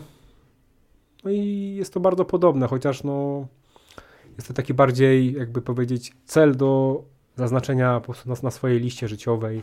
Wszystkie te kraje chciałbym odwiedzić, no jeszcze mi został, co mi tam jeszcze zostało? Y, Turkmenistan, który też ma problem, ponieważ tam jest tylko wiza tranzytowa, przejazdowa, bodajże siedmiodniowa, I tylko 7 dni możesz przebywać na tranzycie i też wszystko No musisz i- opuścić, wrócić ewentualnie. No dokładnie, no i to jest problem. No to już by, to już by bardziej, to by się bardziej opłacało, jeśli by to, jeśli by wziąć na przykład półroczny urlop Mhm. i zrobić obezówkę po kilku krajach. No bo tak pojechać na tydzień i wrócić to... no, To czekaj jeszcze raz, gdzie byliście od, od początku? to po kolei, tak. Mhm. Ukraina, Mhm. Kazachstan, Kirgistan. Mhm. To potem- było razem. Tak, to było, potem była Rosja, Przekraczaliście granicę y, kazachsko-kirgijską już rowerem. lądowo, tak, Mhm. rowerem lądowo. Potem była Rosja, po, Ta syberyjska część. tak dokładnie. Potem była, potem była Kuba, potem była Myanma, czyli Birma inaczej. Też postkomunistyczny kraj. Też, ale aż, aż tak tego nie widać. Potem była. I teraz chyba się posłużę kartką, Jasne. bo. Potem była Birma. Potem była bodajże Gruzja, jeśli dobrze pamiętam. Okej. była Gruzja, była Albania. Albania była. Co tam potem było? Albania. I na końcu był Uzbekistan i Tadżykistan. Najświeższa wyprawa. Tak to kojarzę. To było przed COVID-em jeszcze? Nie, nie, wszystko, wszystko było covidowe. Covidowe. Covidowe, tak. Y, COVID, COVID się zaczął, już tłumaczę, COVID się zaczął po Birmie. COVID się zaczął po Birmie, bo pamiętam jak dziś. E, Co rok jeździcie? No staramy się, staramy się, staramy się. No. Teraz mam trochę problem, ponieważ no, w tej firmie już mi się tak jakby nie układają z urlopem, jest urlop przymusowy, Mhm. a nie zawsze mi się uśmiecha, jakby to powiedzieć. W niektórych krajach jest po prostu taka pogoda, lipiec, sierpień, że no po prostu nie da się wytrzymać. Zresztą No, wilgotność, temperatura to nie jest dla nas też Tak. wszystko, nie? druga sprawa. Yy, Czasami nam się marzy po prostu. Kiedyś spróbowaliśmy święta, yy, święta Bożego Narodzenia spędzić po prostu w inny sposób. Mhm. Właśnie dlatego wybraliśmy Kubę, bo wtedy jest tam fajna pogoda. Ciepło, No jest ciepło, jest inaczej, nie ma tej chlapy. słońce cały dzień. Dokładnie tak, jest witamina B12 cały dzień, nie ma, nie ma tej takiej depresji. Światło, światło, jeszcze raz światło i no i ta kultura po prostu latynoamerykańska, która jest no, nie do opisania, no, te, te maluchy na ulicach, te se- seicento, cinquecento, y, kombinatoryka y, związana z tym, że no, z, z embargo na wszystko właściwie, nie? I ci ludzie sobie radzą po prostu. Tych starych samochodów tam jest dużo jeszcze tak z lat 70., 60., czy Jest, już? jest mnóstwo, tylko jakby to powiedzieć, najładniejsze są te, które są jakby pod turystów robione, do Wyremontowane. przejażdżek, Mhm. dokładnie tak, odrestaurowane, bardzo piękne te tak zwane y, amerykańskie krążowniki szos. Okej. No to jest Wszystkie te muscle cary, nie Powiem tak, cary, nie? tak, jak nie, tak jak nie cierpię aut, znaczy no jakby powiedzieć z takiej mojej, No jesteś rowerzystą, no niekoniecznie jestem lubisz. takim rowerzystą, powiedzmy, no już teraz może już nie takim radykalnym jak kiedyś, no ale Lusterka już nie lecą tak często. słucham? Lusterka w samochodach już nie lecą tak często. No nie, no już taki, taki, taki radykał już nie jestem, ale no te auta mi się wyjątkowo podobały, bo były zadbane i jeszcze miałem to na uwadze, że jakby ci ludzie nie mają takiej dostępności tych części i muszą czasami, że tak powiem, brzydko z, z gówna coś ulepić i, i im to wychodzi. No i jakby to powiedzieć, im bardziej im bardziej jakby od głównych miast, no tym te auta jednak wyglądają coraz gorzej, coraz gorzej, coraz gorzej, aż do takich trupów, które jeżdżą, bo jeżdżą. No. Mhm. No i na Kubę, na Kubę też pojechałem przede wszystkim, bo marzyło mi się zobaczyć, jak wygląda PRL, którego ja jako dziecko nie widziałem, bo byłem za, za młody i, i bardzo się cieszę, że dostałem taką lekcję, bo no nie chciałbym żyć w PRL-u za żadne skarby po prostu. Nie, nie jestem sobie w stanie wyobrazić, że kiedyś mógł być taki ustrój polityczny w Polsce, no jak komunizm i takie zasady, e, że na przykład, żeby wyjechać z jednego miasta do drugiego, Kubańczyk potrzebuje pozwolenia na piśmie. Turysta nie potrzebuje. No nie potrzebuje, no bo turysta to jest pieniądz, to jest pieniądz, nie? Turysta ma się tylko trzymać, jakby powiedzieć, w miarę głównych dróg i nocować W miejscach wyznaczonych, dokła- nocego, dokładnie tak. kwatery, cokolwiek. Tym bardziej tak, że jak typowy jakby prywatny Kubańczyk chce mieć kwaterę, musi mieć pozwolenie, permit na obsługę turystów. Okej. Płaci oczywiście co miesiąc państwu, taki abonament haracz, jak to tam, jak to woli. Podatek. Tak, musi, musi, mu zapew- musi zapewnić y, kilka, kilka podstawowych cech. W tym domu musi być tak, y, musi być osobny pokój dla turysty, to wiadomo. Mhm. Musi być w tym pokoju telewizor. Mhm. Ileś tam cali jest jakaś minimalna, minimalna w ogóle jest jakiś ten, nie komfort, tylko... Jak Wymogi jakieś po prostu, Dokładnie tak? tak? Musi być klima oczywiście Okej. I osobna ubikacja z tego co pamiętam. Czyli nie ma szans, żebyś sobie wynajmował trzeci pokój w mieszkaniu, żeby dorobić na turystach? Powiem musisz, tak, Musisz y, to zorganizować. Raz tylko nam się udało, że tak, nie, dwa razy. Dwa razy na Kubie nam się udało nielegalnie, że tak powiem. U jednego gościa chcieliśmy, on powiedział, że nie ma permitu Mhm. i już prawie odjeżdżaliśmy, ale jakby się zlitował nad nami i nas wziął. A druga, druga akcja to właściwie był, że tak powiem, na bookingu było miejsce z akredytacją, że tam jest permit, ale pani stwierdziła, popatrzyła na nas i miałem wrażenie, że jak widzi takich cuchnących rowerzystów, to ona ich nie chce u siebie i stwierdziła, że nie ma miejsc, chociaż to, to nie była prawda, no ale mniejsza o to i ale wykazała się na tyle inwencją, że zaczęła pytać miejscowych, to Mhm. taka wioska mała była i znalazła lokalnego pijaczka, który nas zaprowadził do swojego domu i stwierdził, że on i tak idzie z kolegami pić, więc nie ma problemu. I on nam pokazał taki patent, że te drzwi się otwierają tylko od środka. Że nikt nam tam nie wejdzie i jesteśmy tam bezpieczni, nie? Mhm. No okej. I... Ale problem, problem się pojawił wtedy, kiedy ja się zorientowałem, że pan ma taki sprytny sznurek od zewnątrz. Pewnie na wypadek, jak za dużo wypije tego, tego rumu, że jest w stanie to w razie czego Otworzyć. z zewnątrz otworzyć. Druga sprawa, y, pierwszy raz widziałem takie owady w swoim życiu, w tym, w tym przybytku jego. I no nie, nie ukrywam, że... A co, pajączki jakieś, czy? Nie, nie, bardziej takie, nie wiem jak to nazwać, chrząszcze, pasikoniki, Aha, ale takich monstrualnych rozmiarów, że tym bardziej jak jeszcze padało na nie światło czołówki, to wydawały się jeszcze pięcio, większe. jeszcze większe. I to łaziło po ścianach, te wszystkie... Pierwszy raz widziałem właśnie na Kubie karaluchy, o. I to takie, Te duże. takie soczyste po prostu, jak ja to mówię, nie? Y, I najśmieszniejsze jest to, że spałem wtedy i pod karimatą miałem, znaczy no spałem, no tak można powiedzieć takim półsnem, tu się budziłem, słyszałem jakieś hałasy na zewnątrz, ktoś tam przechodził, ktoś coś robił, rozmawiał, puszczał muzykę i spałem z takim małym nożykiem, który używamy na co dzień, jakby to powiedzieć, w kuchni, gotując, czy tam coś sam krojąc sobie i z taką takim przekonaniem, że w razie czego go użyję, no ale no wiadomo, jakby to potem mogło wyglądać, nie? Policja, te sprawy, po co, na co, dlaczego, obcokrajowiec. Jeszcze by się okazało, że nie znają angielskiego, tylko hiszpański, to też by był problem. No. Ale i tak najlepsza przygoda y, z Kubą była na samym początku, kiedy dwa dni przed wylotem miałem zapalenie ucha i żona stwierdziła, że to nie jedziemy, bo to nie ma sensu, nie? Mm, Ciężko samolot przeżyć z zapaleniem ucha. No, ale ja, mu, ale ja się uparłem, jak typowy Janusz, stwierdziłem, nie ma cholery, jest zapłacone i nie będzie oddawane. I poleciałem, no niestety trafiło na Kubę, gdzie ten lot trwał 13 godzin przez ocean. I o ile na początku było fajnie, to ostatnie 3 godziny przed lądowaniem uderzałem dosłownie głową o fotel pasażera przede mną i błagałem o jakieś leki przeciwbólowe, Miałem zapalenie ucha w samolocie, gdzie wiem te, gdzie te uszy mi rozrywało. Mhm.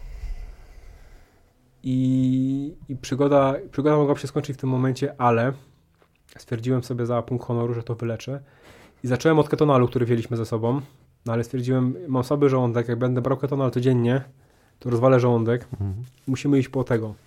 No i łamanym migowo-hiszpańskim poszliśmy do najbliższej apteki i poprosiliśmy o y, Aero Puerto. A.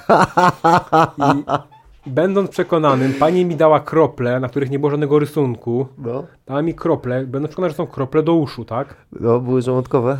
Nie, gorzej.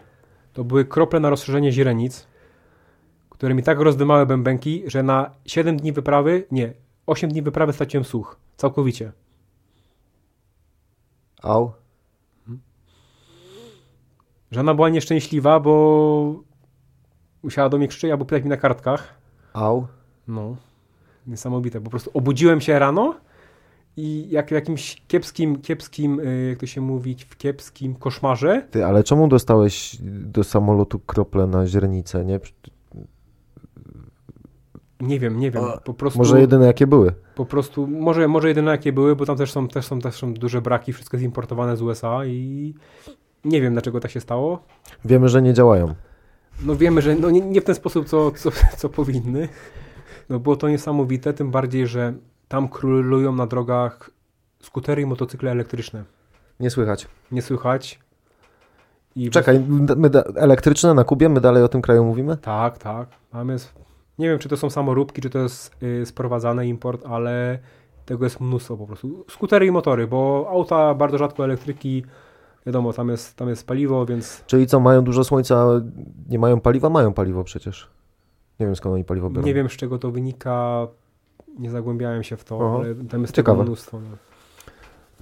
no i miałem taki problem i pierwsza, pierwsza jakby pierwsza pomoc przyszła przypadkiem, kiedy jechaliśmy przez właśnie jakieś miasto, kiedy jakby kiedy bo były takie dni, kiedy mi wydawało mi się, że jakby odzyskuję ten słuch Mhm. częściowo. I właśnie w jeden z takich dni jechaliśmy wzdłuż jakiegoś kompleksu opuszczonego, takiego trochę urbexu, jakby to powiedzieć. I, I coś się musiało stać, bo ja zakląłem z jakiegoś powodu. I jadąca przed nami para z dziećmi, ale taka widać, że lokalna, mówiła, o, Polacy. Nie, nie pytam, co powiedziałeś, bo już wiem. I, i to, się okaza, to się okazali Polacy całkowicie. I to byli Polacy, którzy po prostu dla mnie, dla mnie oni byli, mm, jakby to powiedzieć, oni spełniali, spełniali moje marzenia w tym sensie, moje wyobrażenie o Kubie spełniali, ponieważ oni yy, w zimie, w zimie mieszkali na Kubie te pół roku, tej chłodnej, jakby powiedzieć, Polski, a pozostałe pół roku mieszkali w Polsce. Więc te dzieci nie widziały śniegu, tak naprawdę, nie? Od urodzenia. I oni mnie zaprowadzili tam do siebie do domu i stwierdzili, że woda utleniona to, na to może Tak. pomóc lub sól, no ale ona nie pomogła. Już było za bardzo zapalone. No już to, już to, już ono było zatkane po prostu całkowicie, nie? No ale no, fajnie, fajnie poznać ludzi i tyle. I potem, potem spróbowałem jeszcze, mm, co ja tam spróbowałem? E, Spróbowałem szpitala na Kubie i też się dowiedziałem, że u nich laryngolog nie zajmuje się wszystkim, że muszę się jednak... Czekałem długo w kolejce i się okazało, że niepotrzebnie, bo uszami zajmuje się otolaryngolog, Mhm. i byłem obiektem y, eksperymentów, ponieważ był to jakby jeden dorosły lekarz i same studenciaki.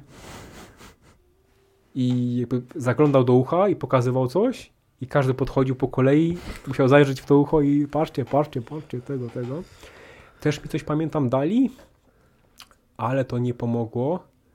Tu, wyszedł, tu wyszły kolejne y, kwiatki z ubezpieczeniem, kiedy to człowiek płaci horrendalne stawki za ubezpieczenie. Musisz wyłożyć sam kasę, nie? No myślałem, że to inaczej trochę wygląda, Mhm. nie? No wiadomo, że w Rosji też był taki sam temat, tylko że już bardziej żołądkowy. I też stwierdzili, no gdyby to była Europa, to pomoc jest do godziny gwarantowana, Tak. ale to, to jest Rosja, to wie pan, to 4 godzin. Mhm. I dali mi znać w momencie, kiedy już wszystkie, jakby powiedzieć, punkty medyczne były zamknięte, musiałem się na własną rękę. Proszę zbierać rachunki i potem my wszystko oddamy. Mhm. No co prawda oddali, ale niesmak pozostał. Z Kubą był taki sam temat i teraz pół biedy, że jakby mieliśmy pieniądze. Już spokojowo możesz. Tak? Mhm. Która jest dobra? Wszystkie są dobre. Zależy co chcesz. Jak chcesz z kofeiną, to to, to, to, to z twojej lewej. E, tu ostrożnie teraz. A, a gazowane? No, Ups. no, Dobrze, ziemię, chwilę poczekam. no, spoko. To jest chyba kambuczę wziąłeś. Kiedyś mi ją wywaliło w samochodzie, także mam przeciętą tapicerkę.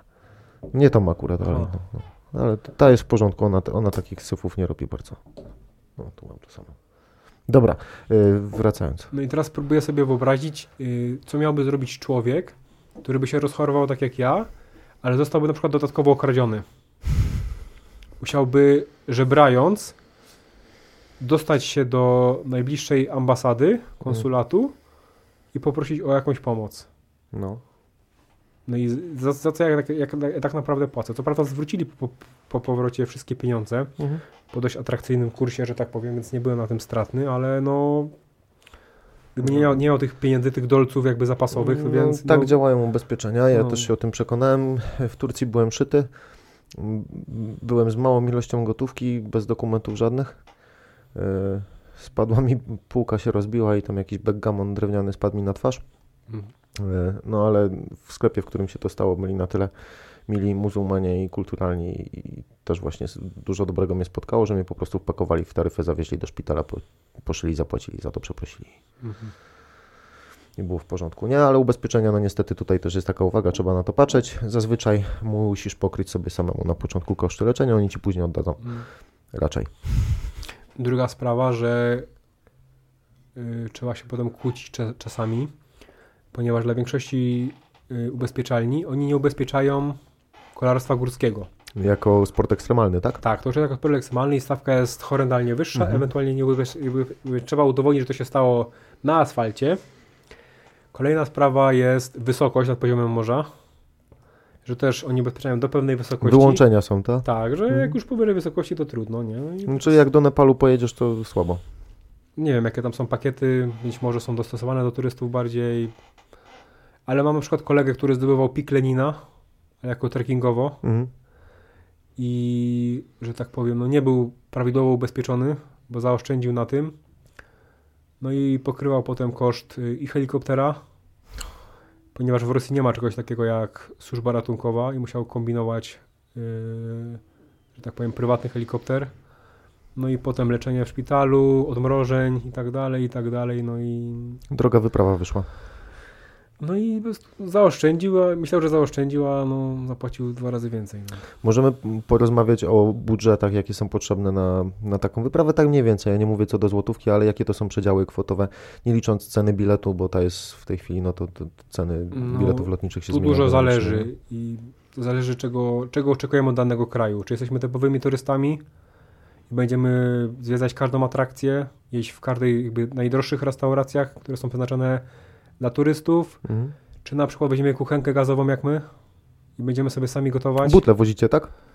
Znaczy, czyli nie wozimy, bo nie wolno.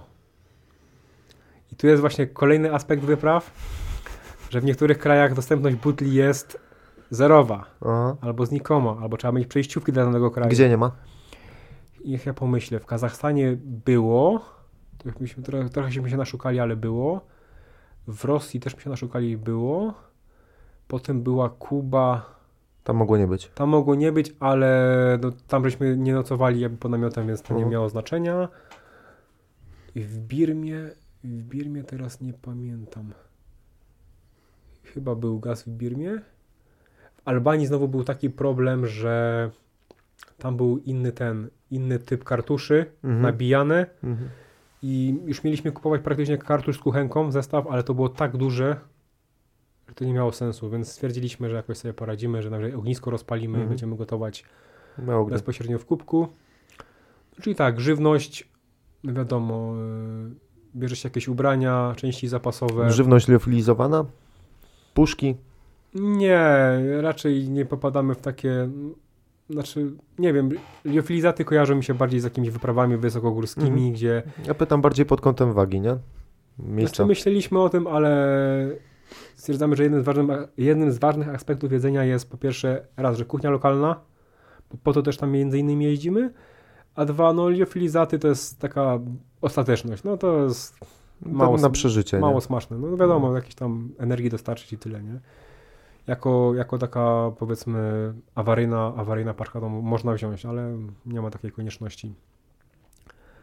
Potem, co tam mamy? Mamy jakąś kulturę, rozrywkę, czyli ewentualnie nie wiem, parki rozrywki, jak ktoś, jak ktoś lubi, kina, muzea, jakieś lokalne miejsca pamięci narodowej, no, no cokolwiek. No. To też robicie przy okazji tych wyjazdów, czyli to nie jest sama natura, gdzieś tam obcowanie z z człowiekiem, tylko gdzieś tam jednak się wchodzi. No tak? to zależy, no. Jakby, no nie, nie wszystko nas interesuje, nie jesteśmy turystami, którzy muszą jakby zwiedzić każde muzeum. Aha. Jest to dla nas trochę jakby powiedzieć nudne. Kulturę można jakby poznawać no, na wiele innych sposobów i, i myślę, że najlepiej jest to robić z lokalnymi ludźmi, bo oni wiedzą o tym najlepiej, nie? A jakby to powiedzieć, turystyczne miejsca zawsze przedstawią to tak, jakby, jakby, jakby, jakby, jakby chciały i tyle. Potem, no powiedzmy, no zależy, no jaki kto ma rower, jak go musi przygotować do tej wyprawy, no i ile, ile pieniędzy musi włożyć, żeby go nowocześnić, naprawić. Może się okazać, że lepiej kupić nowy rower pod taką wyprawę, bo nie ma sensu tego. I kolejnym aspektem tej wyprawy jest to, że dla nas najważniejsze, jakby pakując się, że tak powiem brzydko w zadupia, jest niezawodność. Dlatego właśnie mamy stare rowery na ramach, na, na ramach stalowych, yy, gdzie na końcu świata nawet, jakby to powiedzieć, Jak pęknie, to się da pospawać. każdy y, lokalny, że tak powiem, dzisiek nam to, nam to ogarnie, nam to pospawa i w razie czego mamy trytytki, mamy taśmę izolacyjną, mamy no, dosłownie no, wszystko, co potrzebne do szczęścia, jakby tak powiedzieć. Ile waży twój ekwipunek? Ważyłeś to kiedyś? Zależy od kraju. No, najwięcej wzięliśmy, z tego co pamiętam, do Rosji, ponieważ tam był naj, największy rozstrzał temperaturowy. To było niby lato, ale też planowaliśmy też może i jakby wyższe rejony góry. Mhm. I tam mój rower, z tego co pamiętam, to około 60 kg ważył, a żony trochę mniej, 45-50. No więc to je, je, jest co wozić, nie? Ale to już, to już nie są, jakby to powiedzieć, nie są takie dystanse ogromne, że to się tego tak nie odczuwa. Ile kilometrów dziennie na takiej wyprawie robicie? no to też jest mocno uzależnione, bo jakby powiedzieć, są miejsca, że tak powiem, ciekawsze, w które chce się jakby powiedzieć, zrobić coś w stylu, nie wiem, to się teraz tak ładnie nazywa slow touring, slow life, Mhm. Czyli chce się zanurzyć w te miejsca bardziej, wtedy się jedzie wolniej, wtedy można zrobić, nie wiem, mm, no jest, jest bardzo dużo czynników, które wpływają na to. Jest pogoda, zmęczenie, stan psychiczny w danym dniu, nie wiem, natężenie ruchu. Wszystko, nie? No, jest, jest takie, no, zdarzyło nam się chyba, no nie wiem, na Kubie zrobić 100 kilometrów, ale tylko dlatego, że nie było kompletnie miejsca do noclegu. I byliśmy Mhm. zmuszeni zrobić te 100 kilometrów. Trzeba było jechać dalej. Tak, i wzdłuż był tylko taki, była wąska droga i z obu stron były ogrodzone po prostu pola kaktusów. Aha. Nic nie, więcej. Nie było mowy o zatrzymaniu, nie? A najmniej ja wiem. No jak koło domu, 5 km czasami się zdarzało robić. Aha, czyli to też takie na przykład po okolicy jakieś przejażdżki gdzieś tam No bo z bazy wypadowej nazwijmy tak, to. bo na wyprawie ważne jest sobie zrobić tak zwany dzień jakby takiego resetu odpoczynku. Może Mhm. być nawet na rowerze, choć niekoniecznie. Czy był taki rozjazd, po, pokręcić się, ale dać temu organizmowi odpocząć, bo człowiek nie jest robotem. I, a my też nie jeździmy po to, żeby tam robić, nie wiem, milion kilometrów, tak jak niektórzy, bo są tacy pasjonaci, którzy chcą na przykład zjeździć cały kraj w jak najkrótszym czasie. No ale my tam Ale to nie jest wyścig, nie? no nie jest wyścig, absolutnie. No, no, no, mi, no nas to nie rajtuje w każdym bądź razie. Nas rajtuje po prostu poznanie, poznanie tego, tego kraju. No. Wiadomo, że dla nas największym problemem nie jest jakby prędkość, tylko ograniczenie urlopowe. Mhm. Y, Bardzo często spotkaliśmy się z ludźmi, na przykład w Kazachstanie była tak, pierwsza taka sytuacja, kiedy spotkaliśmy bodajże Amerykanów, też z sakwami i oni się nas pytają, jak długo już jedziemy, nie? A my, no, że jeszcze trzy tygodnie, jeszcze nam tydzień został i wracamy do Polski. Oni, no, bo nie są już tego, dwa lata w podróży, nie? Nie zjechali do Ameryki, nie? I teraz kolejna rzecz, która się z tym wiąże. Tak. Oni jakby py- pytaliśmy się, czy jadą do jakiegoś źródełka obok.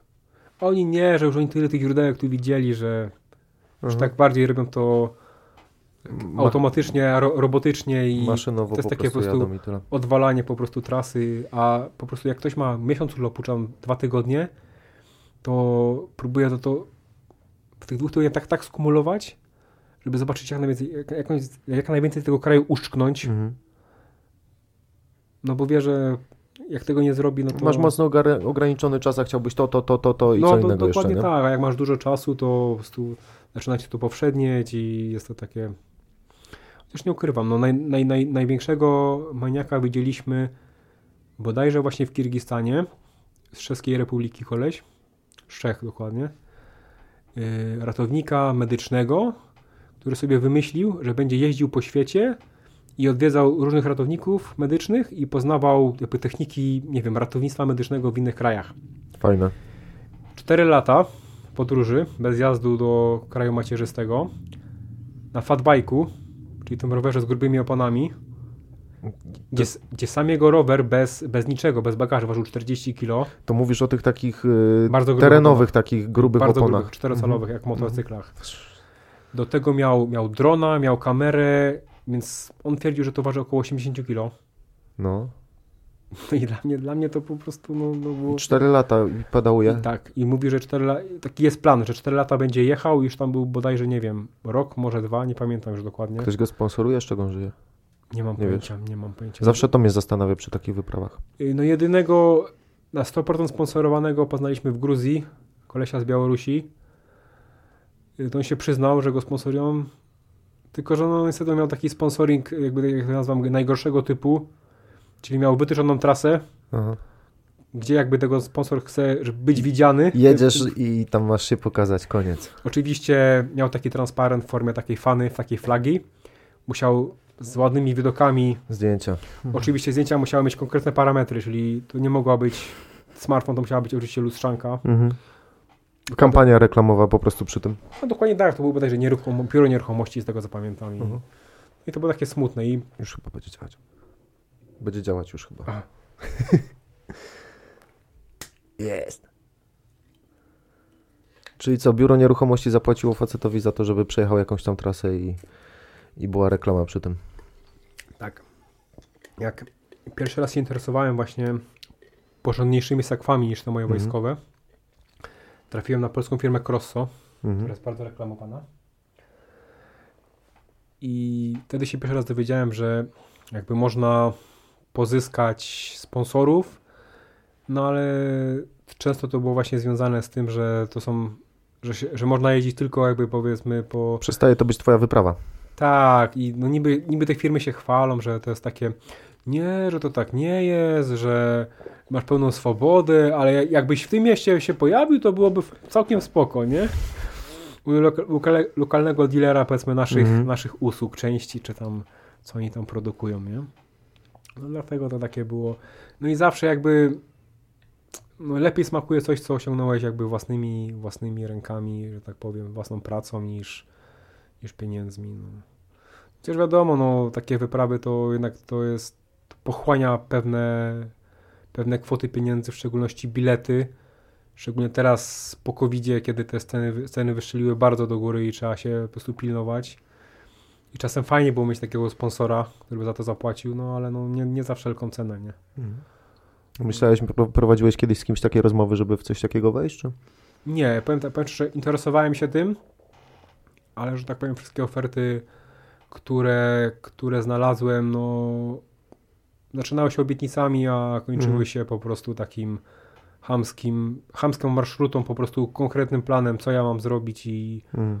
no i jeśli mi kupią sprzęt na przykład, jest za sponsorem sprzęt, a nie tylko na przykład wyprawę, to, to konkretne firmy tylko i wyłącznie i mm, Nie wygląda to tak fajnie jak na Instagramie zawsze, z tego co mówisz, że po prostu wydaje się, niektórych oglądasz, bo przypuszczalnie działają na takich zasadach.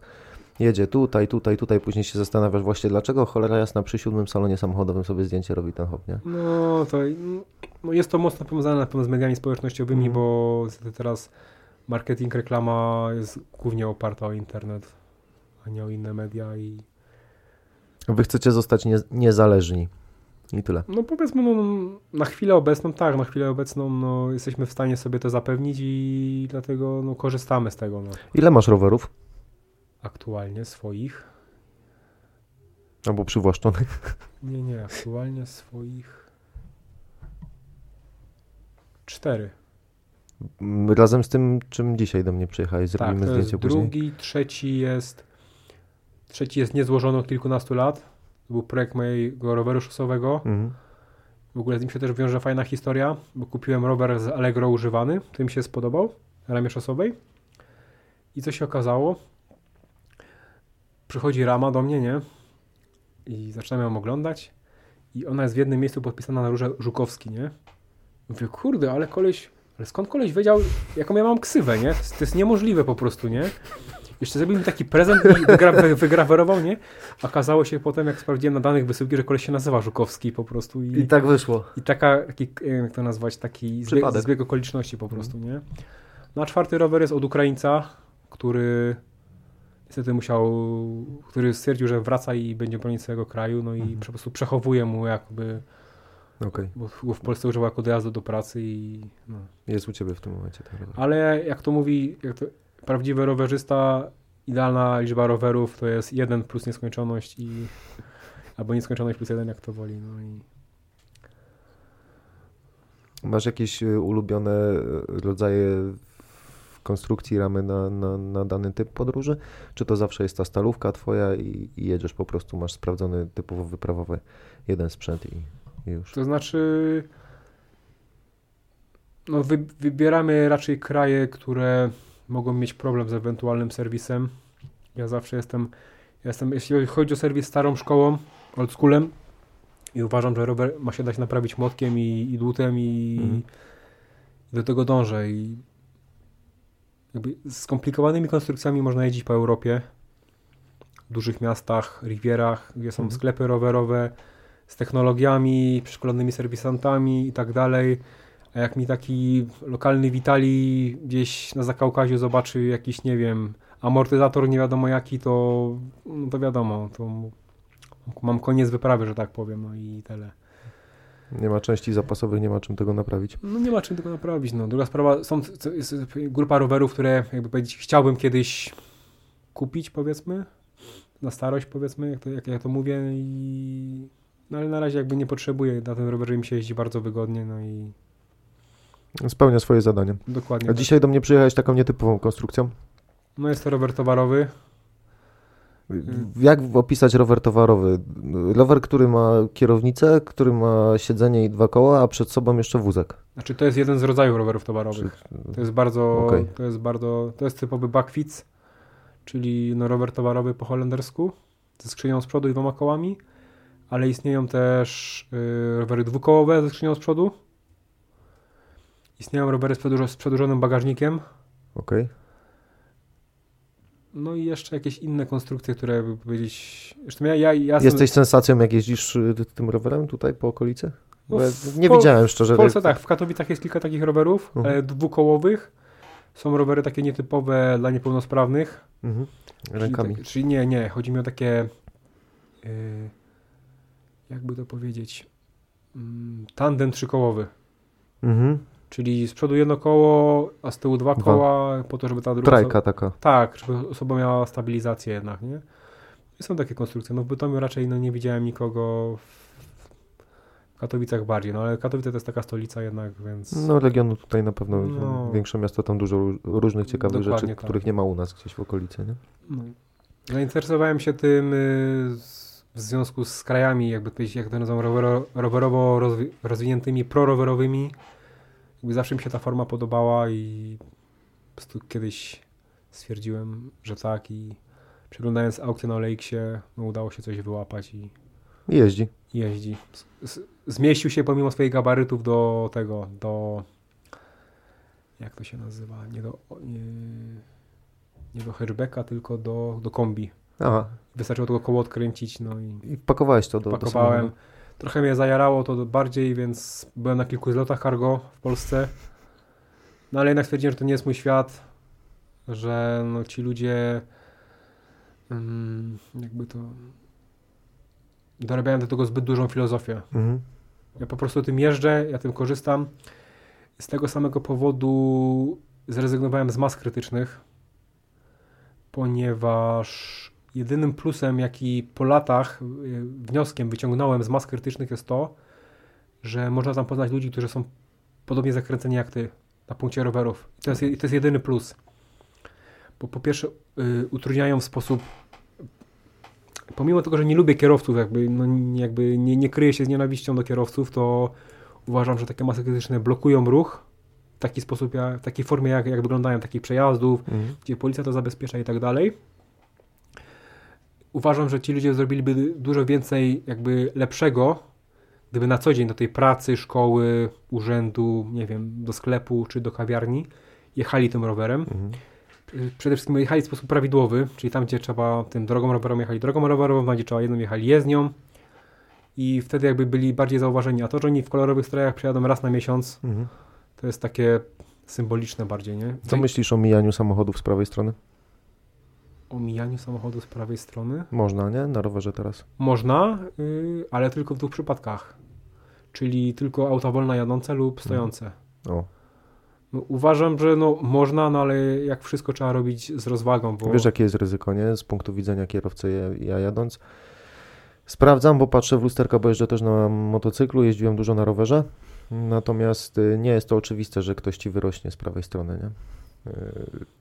Przy tym krawężniku i zdarza się, że się robi no, ciasno, niestety, nie? tym bardziej, że jest przepis, który mówi, że rowerzysta jadący na wprost ma pierwszeństwo Mhm. przed autem skręcającym w prawo, więc to też jest takie, Niebezpieczne trochę, nie? no jest, no jest bardzo dyskusyjny przepis. Wiesz o co chodzi, jak jak cię ktoś mija z lewej strony, skręcasz w prawo, spoko, nie? Natomiast no tutaj można się tego nie spodziewać, no ale z drugiej strony też jak tramwaj jedzie, też go musisz puścić, nie? No. Jak skręcasz w prawo. No. Okej, ale, ale akurat uważam osobiście, że ten przepis dopuszczający wymijanie samochodów z prawej strony jest niebezpieczny dla samych rowerzystów i jako osoba, która jeździła dużo na rowerze, będę się tego trzymał, bo, bo jako kierowca wiem, że tam czasami tego nie widać po prostu, tym bardziej, że to jest rower i jest mało widoczny. Nie, No nie tak. wszyscy jeżdżą też z, zapalonymi światłami. No to jest no, lista grzechów rowerzystów. Zresztą powiem tak, mm, przy okazji każdej kłótni w internecie na temat jakiegoś wypadku, czy to rowerowego, Mhm. czy samochodowego, prawda jest taka, jak dla mnie, że w każdej grupie w każdej grupie jakby użytkowników dróg, czyli to czy to są motocykliści, rowerzyści, tramwajarze, nie wiem, operatorzy traktorów, znajdzie się no czarna owca i znajdzie się normalny człowiek. No. Mhm. Z wszystkiego trzeba podchodzić z roz- rozsądkiem. Dla mnie najważniejszą zasadą na drodze jest zasada ograniczonego zaufania. Mhm. Nie ma ważniejszej zasady. No nie ma. Wszystkie znaki można by pousuwać tak naprawdę. Ciebie nic nie chroni, musisz o tym myśleć, nie? No tak, nic No po nie prostu, chroni, nie? no. Co z tego, że Kask- miałeś, co z tego, że miałeś pierwszeństwo, jak leżysz w szpitalu? Kask, pierwszeństwo mają ci tego y, na cmentarzu. To na nagrobkach wypisują. No. Mhm. No, no kask to jest takie, jakby to powiedzieć, to jest takie iluzoryczne. No. Jest, szan- jest szansa, że uchroni cię od bycia warzywem Mhm. podłączonym do kroplówki na całe życie, no ale no, jest- no jest bardzo złudne. No ja tam aktualnie używam kasku głównie jako, jako statywu do kamery, no. Jak, ja- Aha. jak ja to mówię, nie? Bo Teraz jest obowiązek jazdy w kasku? nie, Nie ma? nie ma jeszcze, nie ma, nie ma. Okej. To mi się no jest takie no też dyskusyjne, bo trudno mi sobie wyobrazić, że jakaś babcia jadąca po wsi do kościoła miałaby niszczyć swoją fryzurę kaskiem i tak dalej, i tak dalej, no. No bardziej, bardziej, bardziej mnie tego, y, bardziej na przykład boli mnie brak odpowiedzialności u rowerzystów, że no poniekąd brak tablic, które kiedyś były obowiązkowe Mhm. w okresie międzywojennym i przed wojną, obowiązkowe, no i rowerzysta praktycznie jest, no jak go nie złapiesz za Mm, rękę, no to no co mu zrobisz? A ubezpieczenie? Co myślisz o tym, żeby rowerzysta miał obowiązkowe ubezpieczenie od szkód, tak jak samochody? Znaczy był taki, był, Był taki, taki projekt, nie? był taki projekt, ale to też było, y, to był podział, że mieli, mieli obowiązek dokupić jedynie ci, co jeżdżą po drogach publicznych. No a można, Każdy jeździ po drogach publicznych, No, ale- jak chcesz pod dom dojechać i nie mieszkasz... no tak, no można powiedzieć, W środku pola, ja jeżdżę po wsi, więc nie muszę, no ale jak sobie raz wjadę, to też muszę kupić, no i to jest takie, no to musiałaby zrobić osoba, no po prostu zespół osób bardzo ogarniętych i Wiesz, wyjeżdżając ode mnie spod domu, wiesz gdzie mieszkam? Na. Switchem, no to ciężko jakbym chciał w którąkolwiek stronę gdzieś dojechać, nie wjeżdżając na drogę publiczną, nie? No Mhm. do Tarnowskiej Góry bym może dojechał przez, przez pewien fragment tam gdzieś no, polami. i- No, opartego bardzo mocno się da, no ale to też nie o to chodzi, nie? No. A druga sprawa, no potem się można zdziwić, ile kosztuje lusterko od jakiegoś drogiego auta egzotycznego i, Mhm. Mhm. i potem jest płacz, nie? Mhm. Tak samo jak z turystami w górach, którzy wchodzą nagle na Słowację. Chociaż z tym też się wiąże jeden, jeden element moich wypraw, gdzie ja na przykład w Beskidy zawsze, no jakby powiedzieć, podchodzę profesjonalnie do chodzenia w Beskidach. Nie chcę być takim Januszem, który, nie wiem, idzie tam w Japonkach czy coś takiego. Ale za granicą jest zupełnie inaczej. Za granicą to ja jestem Januszem i zdarzyło mi się w sandałach chodzić po Sajanach Wschodnich na Syberii, po takim paśmie górskim. Wchodzić, wchodzić na góry. Wchodzić po łańcuchach, gdzie pierwszy raz spotkałem rosyjski standard łańcuchów, gdzie chwyciłem łańcuch, a on mi poleciał w dół. No i, że tak powiem, drugi raz bym tam nie poszedł, nie? Wtedy to była adrenalina, to był, to był żywioł, zrobiłem to, ok. Jak już wlazłem, to jakoś stąd muszę zejść, nie? Tym bardziej, że mijaliśmy po drodze taki pomnik tego yy, alpinistki, która tam zginęła w tragicznym wypadku tego. No i trzeba brać pod uwagę, że tam nie ma, nie ma czegoś takiego jak GoPr, się wydzwoni i przelatuje helikopter czy coś i tam jest zdany sam na siebie, nie? Tak samo jak wchodziliśmy w góry, zostawiliśmy yy, w takim mikroschronisku takiej chatce właściwie rowery. Wzięliśmy, co myśmy wzięli? Jakieś batoniki na drogę, karimaty i ewentualnie śpiwór. Bo dostaliśmy informację, że u góry jest turbaza, czyli taki odpowiednik schroniska. No ale co nas zdziwiło po drodze, czyli była fajna pogoda na dole, około 30 stopni, bardzo przyjemnie, fajne widoki, że każdy turysta, który nas mijał i rozmawiał po rosyjsku, miał plecak minimum 90 litrów. A dochodziło takie do 120 nawet. Mhm. Takie ogromne jeszcze z takimi kapturami po prostu cuda nie widy, nie? Wody nie było? Czy były strumyki, więc jakoś nie było tak źle, nie? No ale dobra, wchodzimy do tej turbazy w końcu i pierwsze co robimy, patrzymy na termometr, a tam już jest 8 stopni. I dopiero wtedy nam się zrobiło zimno. Tak jak to zobaczyliśmy, nie? No ale mniejsza o to, nie? No i wchodzimy do gościa i mówimy, że my byśmy chcieli nocleg za, zarezerwować, nie? On mówi, wiecie co, to nie jest tak za bardzo, że tu są noclegi. Tam się możecie w sumie uwalić, nie? I, pytam się, pytaliśmy się go, gdzie jest kuchnia? I wiecie co, to nie jest tak jak w Europie, że tu jest pani, co wydaje posiłki. Powiedziano to tak jak po prostu jak debilom, jak takim dzieciom po prostu upośledzonym. Jak bardzo dosadnie, nie? Wiecie co? Poczekajcie na mnie, nie? Przyszedł do nas i mówi, tu macie kaszę kryczaną i... Co on powiedział? I keczup cygański, bo wy Polacy bardzo lubicie keczup cygański. Co to jest keczup cygański? No keczup cygański z polskimi napisami. Ke keczup cygański, po prostu jakaś odmiana czy tam nazwa handlowa. Nie, Nie widziałem, o, No. dlatego pytam. Myślałem, że to jest jeszcze jakiś gryps, no i, nie? No i kazał, kazał nam sobie po prostu ugotować tą kaszę gryczaną. Z keczupem. Tak, z keczupem. I mówi tam u góry na takiej, nie wiem, antresoli zbudowanej są inni ludzie, tam się jakoś wpakujcie i tyle, i śpijcie, nie? No i spoko. No i weszliśmy na górę i co pierwsze słyszymy? Polski. Polski. No jest dwóch turystów, tam się spot- spotykają się, jakby dojeżdżają do siebie. Jedno, jedno powiedzmy zaczyna podróż, Mhm. drugie do niego dojeżdża i tak się, jak się mijają. No i tak zgadujemy się i po drodze jeszcze babuszka nas ostrzega, że widziała małe niedźwiedziątka, że mamy uważać na, jak to się mówi, Ursus, nie wiem czy dobrze zapamiętałem, Ursus siberis, niedźwiedź syberyjski? Chyba tak. nie? I że jak są niedźwiedziątka, to może być gdzieś mama w pobliżu i No mamy, Dlaczego będzie, nie? i mamy uważać po prostu, nie? No jakby nie rzucać się w oczy i jedyne co, jedyne co nam poradziła to, że mamy bardzo hałasować, nie? Jak, Mhm. jakby to... Żeby nie zaskoczyć, nie? Tak, jest to, no tak, bo niedźwiedź się najbardziej boi, jak jest zaskoczony, a szczególnie jak jest mm, jakby... Jak bo- małe ma, nie? Broni. No jak matka z dziećmi, no to ona zrobi wszystko Przewalone, nie? i, i tak. no. Czyli co, przygody były? Gdzie byś się chciał jeszcze wybrać? No na pewno chciałbym zamknąć cały Związek Radziecki, jeśli będzie to kiedyś możliwe. No chciałbym chciałbym jeszcze wrócić do Rosji, do Mhm. innych jakby, do innych obszarów Rosji. e, Do tych wszystkich plemion, tak powiedzieć, Czukczów, Fenków. Hmm, Co jeszcze? No na pewno Azja. W Azji jest dużo jeszcze nieodkryte przeze mnie. Jakiś może Wietnam w tym kierunku, może Laos, Filipiny. Marzy mi się też również Ameryka Południowa, no ale znowu tam, tam przeraża mnie, tam przeraża mnie po prostu to, jak biały człowiek jest postrzegany, to jak łatwo ludziom przychodzi wyciągnięcie broni Mhm. i po prostu zabicie kogoś tak po prostu za to, że nie wiem, nie dał telefonu albo nie miał pieniędzy. Jeżdżą tam ludzie, ale słyszałem różne historie. Brazylia jest podobno bardzo niebezpieczna, Meksyk.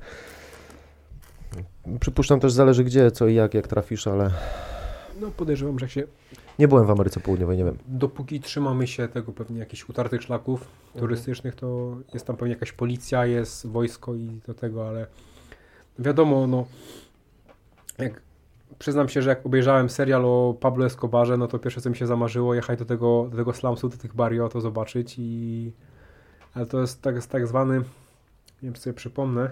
Tam teraz chyba się też pozmieniało, nie? Jest, jest takie określenie na taką turystykę, tylko nie pamiętam jak to się nazywa. Czy ekstremalna turystyka, czy... Mm, Właśnie Takie regiony, tak? nazwa, na, nazwa jest związana ze śmiercią. I to jakieś takie regiony typu Czeczenia, Osetia, Mm, takie, że z- zagrożenie ży- życia jest bardzo duże. e, Nawet y, był chyba na którymś z tych kanałów popularno-naukowych, czy na National Geographic, czy na Discovery, była chyba seria o takim turyście. Wiem o co ci chodzi, nie, nie, nie przypomnę sobie określenia w tym momencie. No takie igranie trochę, nie? No dokładnie tak. No i to, to mi się marzy. Marzy mi się poznanie takich krajów. Ma, marzy mi się jeszcze taka słynna Do trasa. Czeczeni bym teraz też nie pojechał, tak ci powiem szczerze. Zawsze chciałem zobaczyć, ale No ja też, no ale to. oni tam nas chyba też mocno nie lubią. No ale to akurat to wynika z Rosji. No i No. ci, to, powiem tak, y, jak byłem w Kazachstanie, to i zatrzymaliśmy się, żeby odpocząć przy właśnie takim pomniku z II wojny światowej. Takim typowym, z wypisanymi naz- nazwiskami, jakaś armata tam stoi. I sto- I siedział tam dziadek, nie? I tak zaczęliśmy gadać, gadać od słowa do słowa, słowa, nie? I tam dużo ludzi jednak jest bardzo zmanipulowanych przez Rosję. I pan stwierdził, że gdyby nie Rosja, to Polski by nie było. Wierzą w mit jakiś wyzwoleńczy, tak? Dokładnie tak, że gdyby nie, to na Niemcy by nas zmietli. I... Jest w tym trochę prawdy, ale zacząłem, zacząłem pomimo, że nie lubimy się z żoną y, zapuszczać w takie tematy Jest niebezpieczne takie trochę. śliskie, bo Mhm. nie wiadomo na Polityczne, kogo się, nie, nie? wiadomo na kogo się trafi.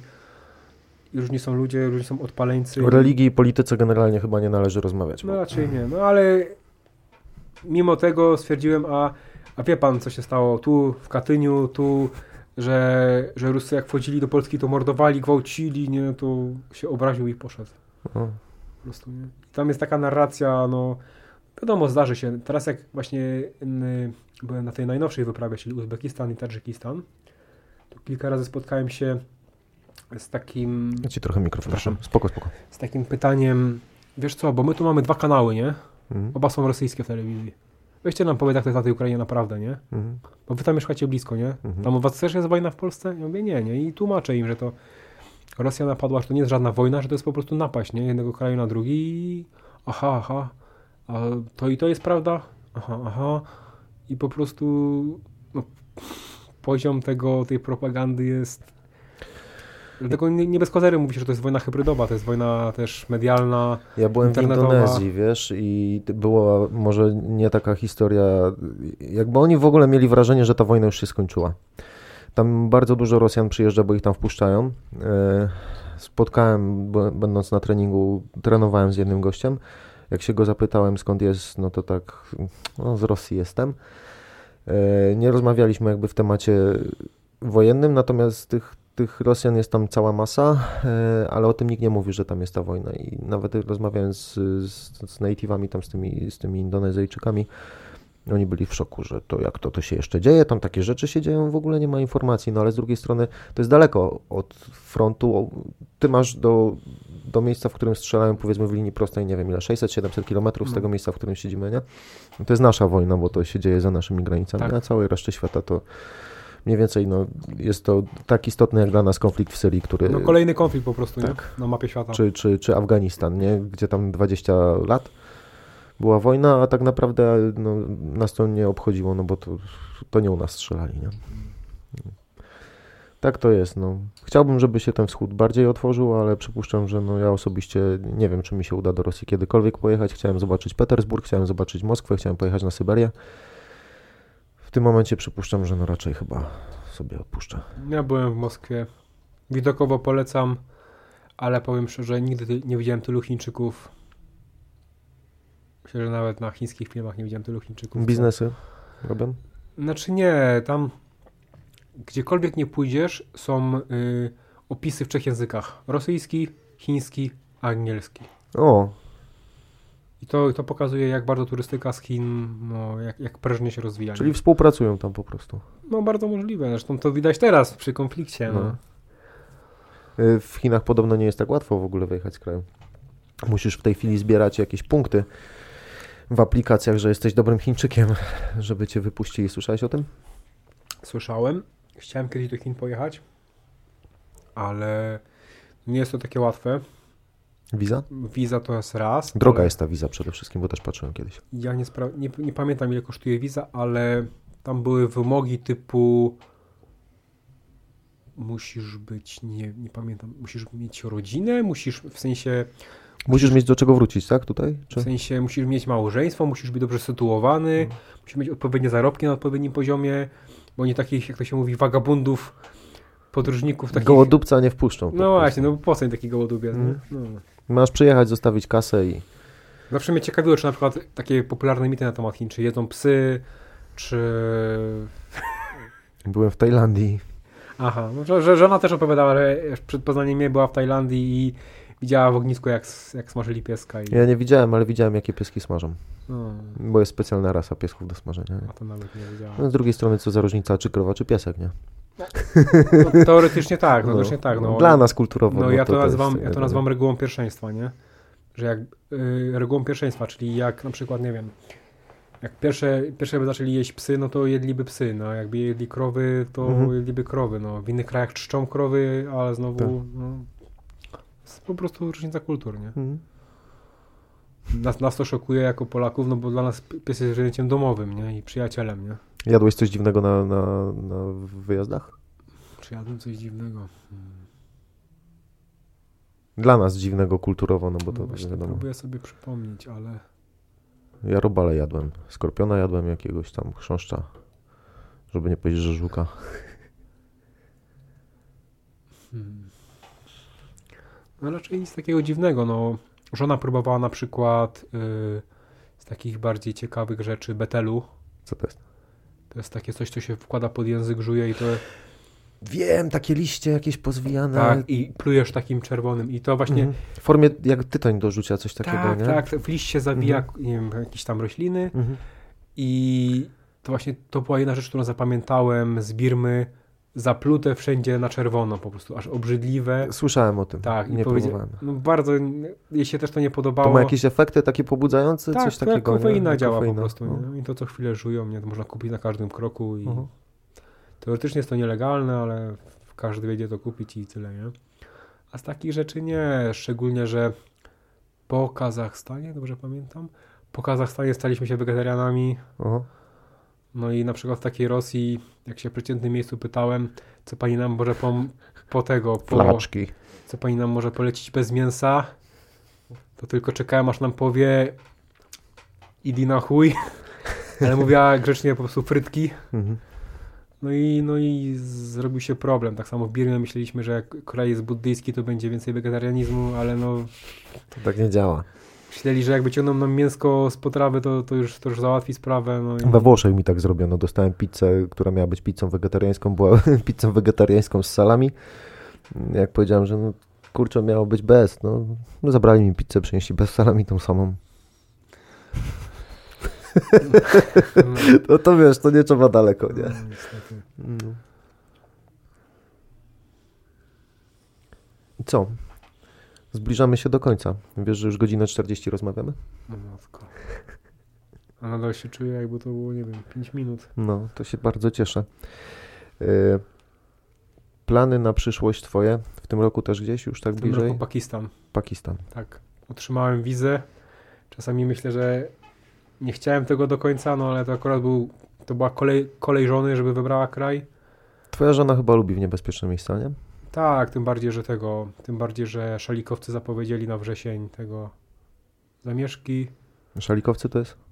Mm, W turbanach ci? muzułmanie, Tam po prostu, no talibowie, Okej, no, jak talibowie, to, ja okej. mówię tak najdelikatnie, albo jak Dobra. niektórzy bojownicy ninja. I nam i zapowiedzieli właśnie rozruby we, wrze we wrześniu. My na szczęście jedziemy w lipcu na dwa tygodnie. Niestety na dwa tygodnie. I niestety jedziemy w tą samą część kraju, w której zapowiedzieli zamieszki. Czemu to robicie? O, to, to jest dobre pytanie, nie? Nie wiem, czy sz- szukamy, szukamy wrażeń na stare lata, czy... Znaczy no, głównie dla, dla gór, dla jakby naj, najwyżej położonej przejezdnej drogi, czyli Mhm. Pamir Highway. Ponad 5000 metrów nad poziomem morza. Góry, piękne widoki, które już widzieliśmy w Tadżykistanie i Uzbekistanie między innymi.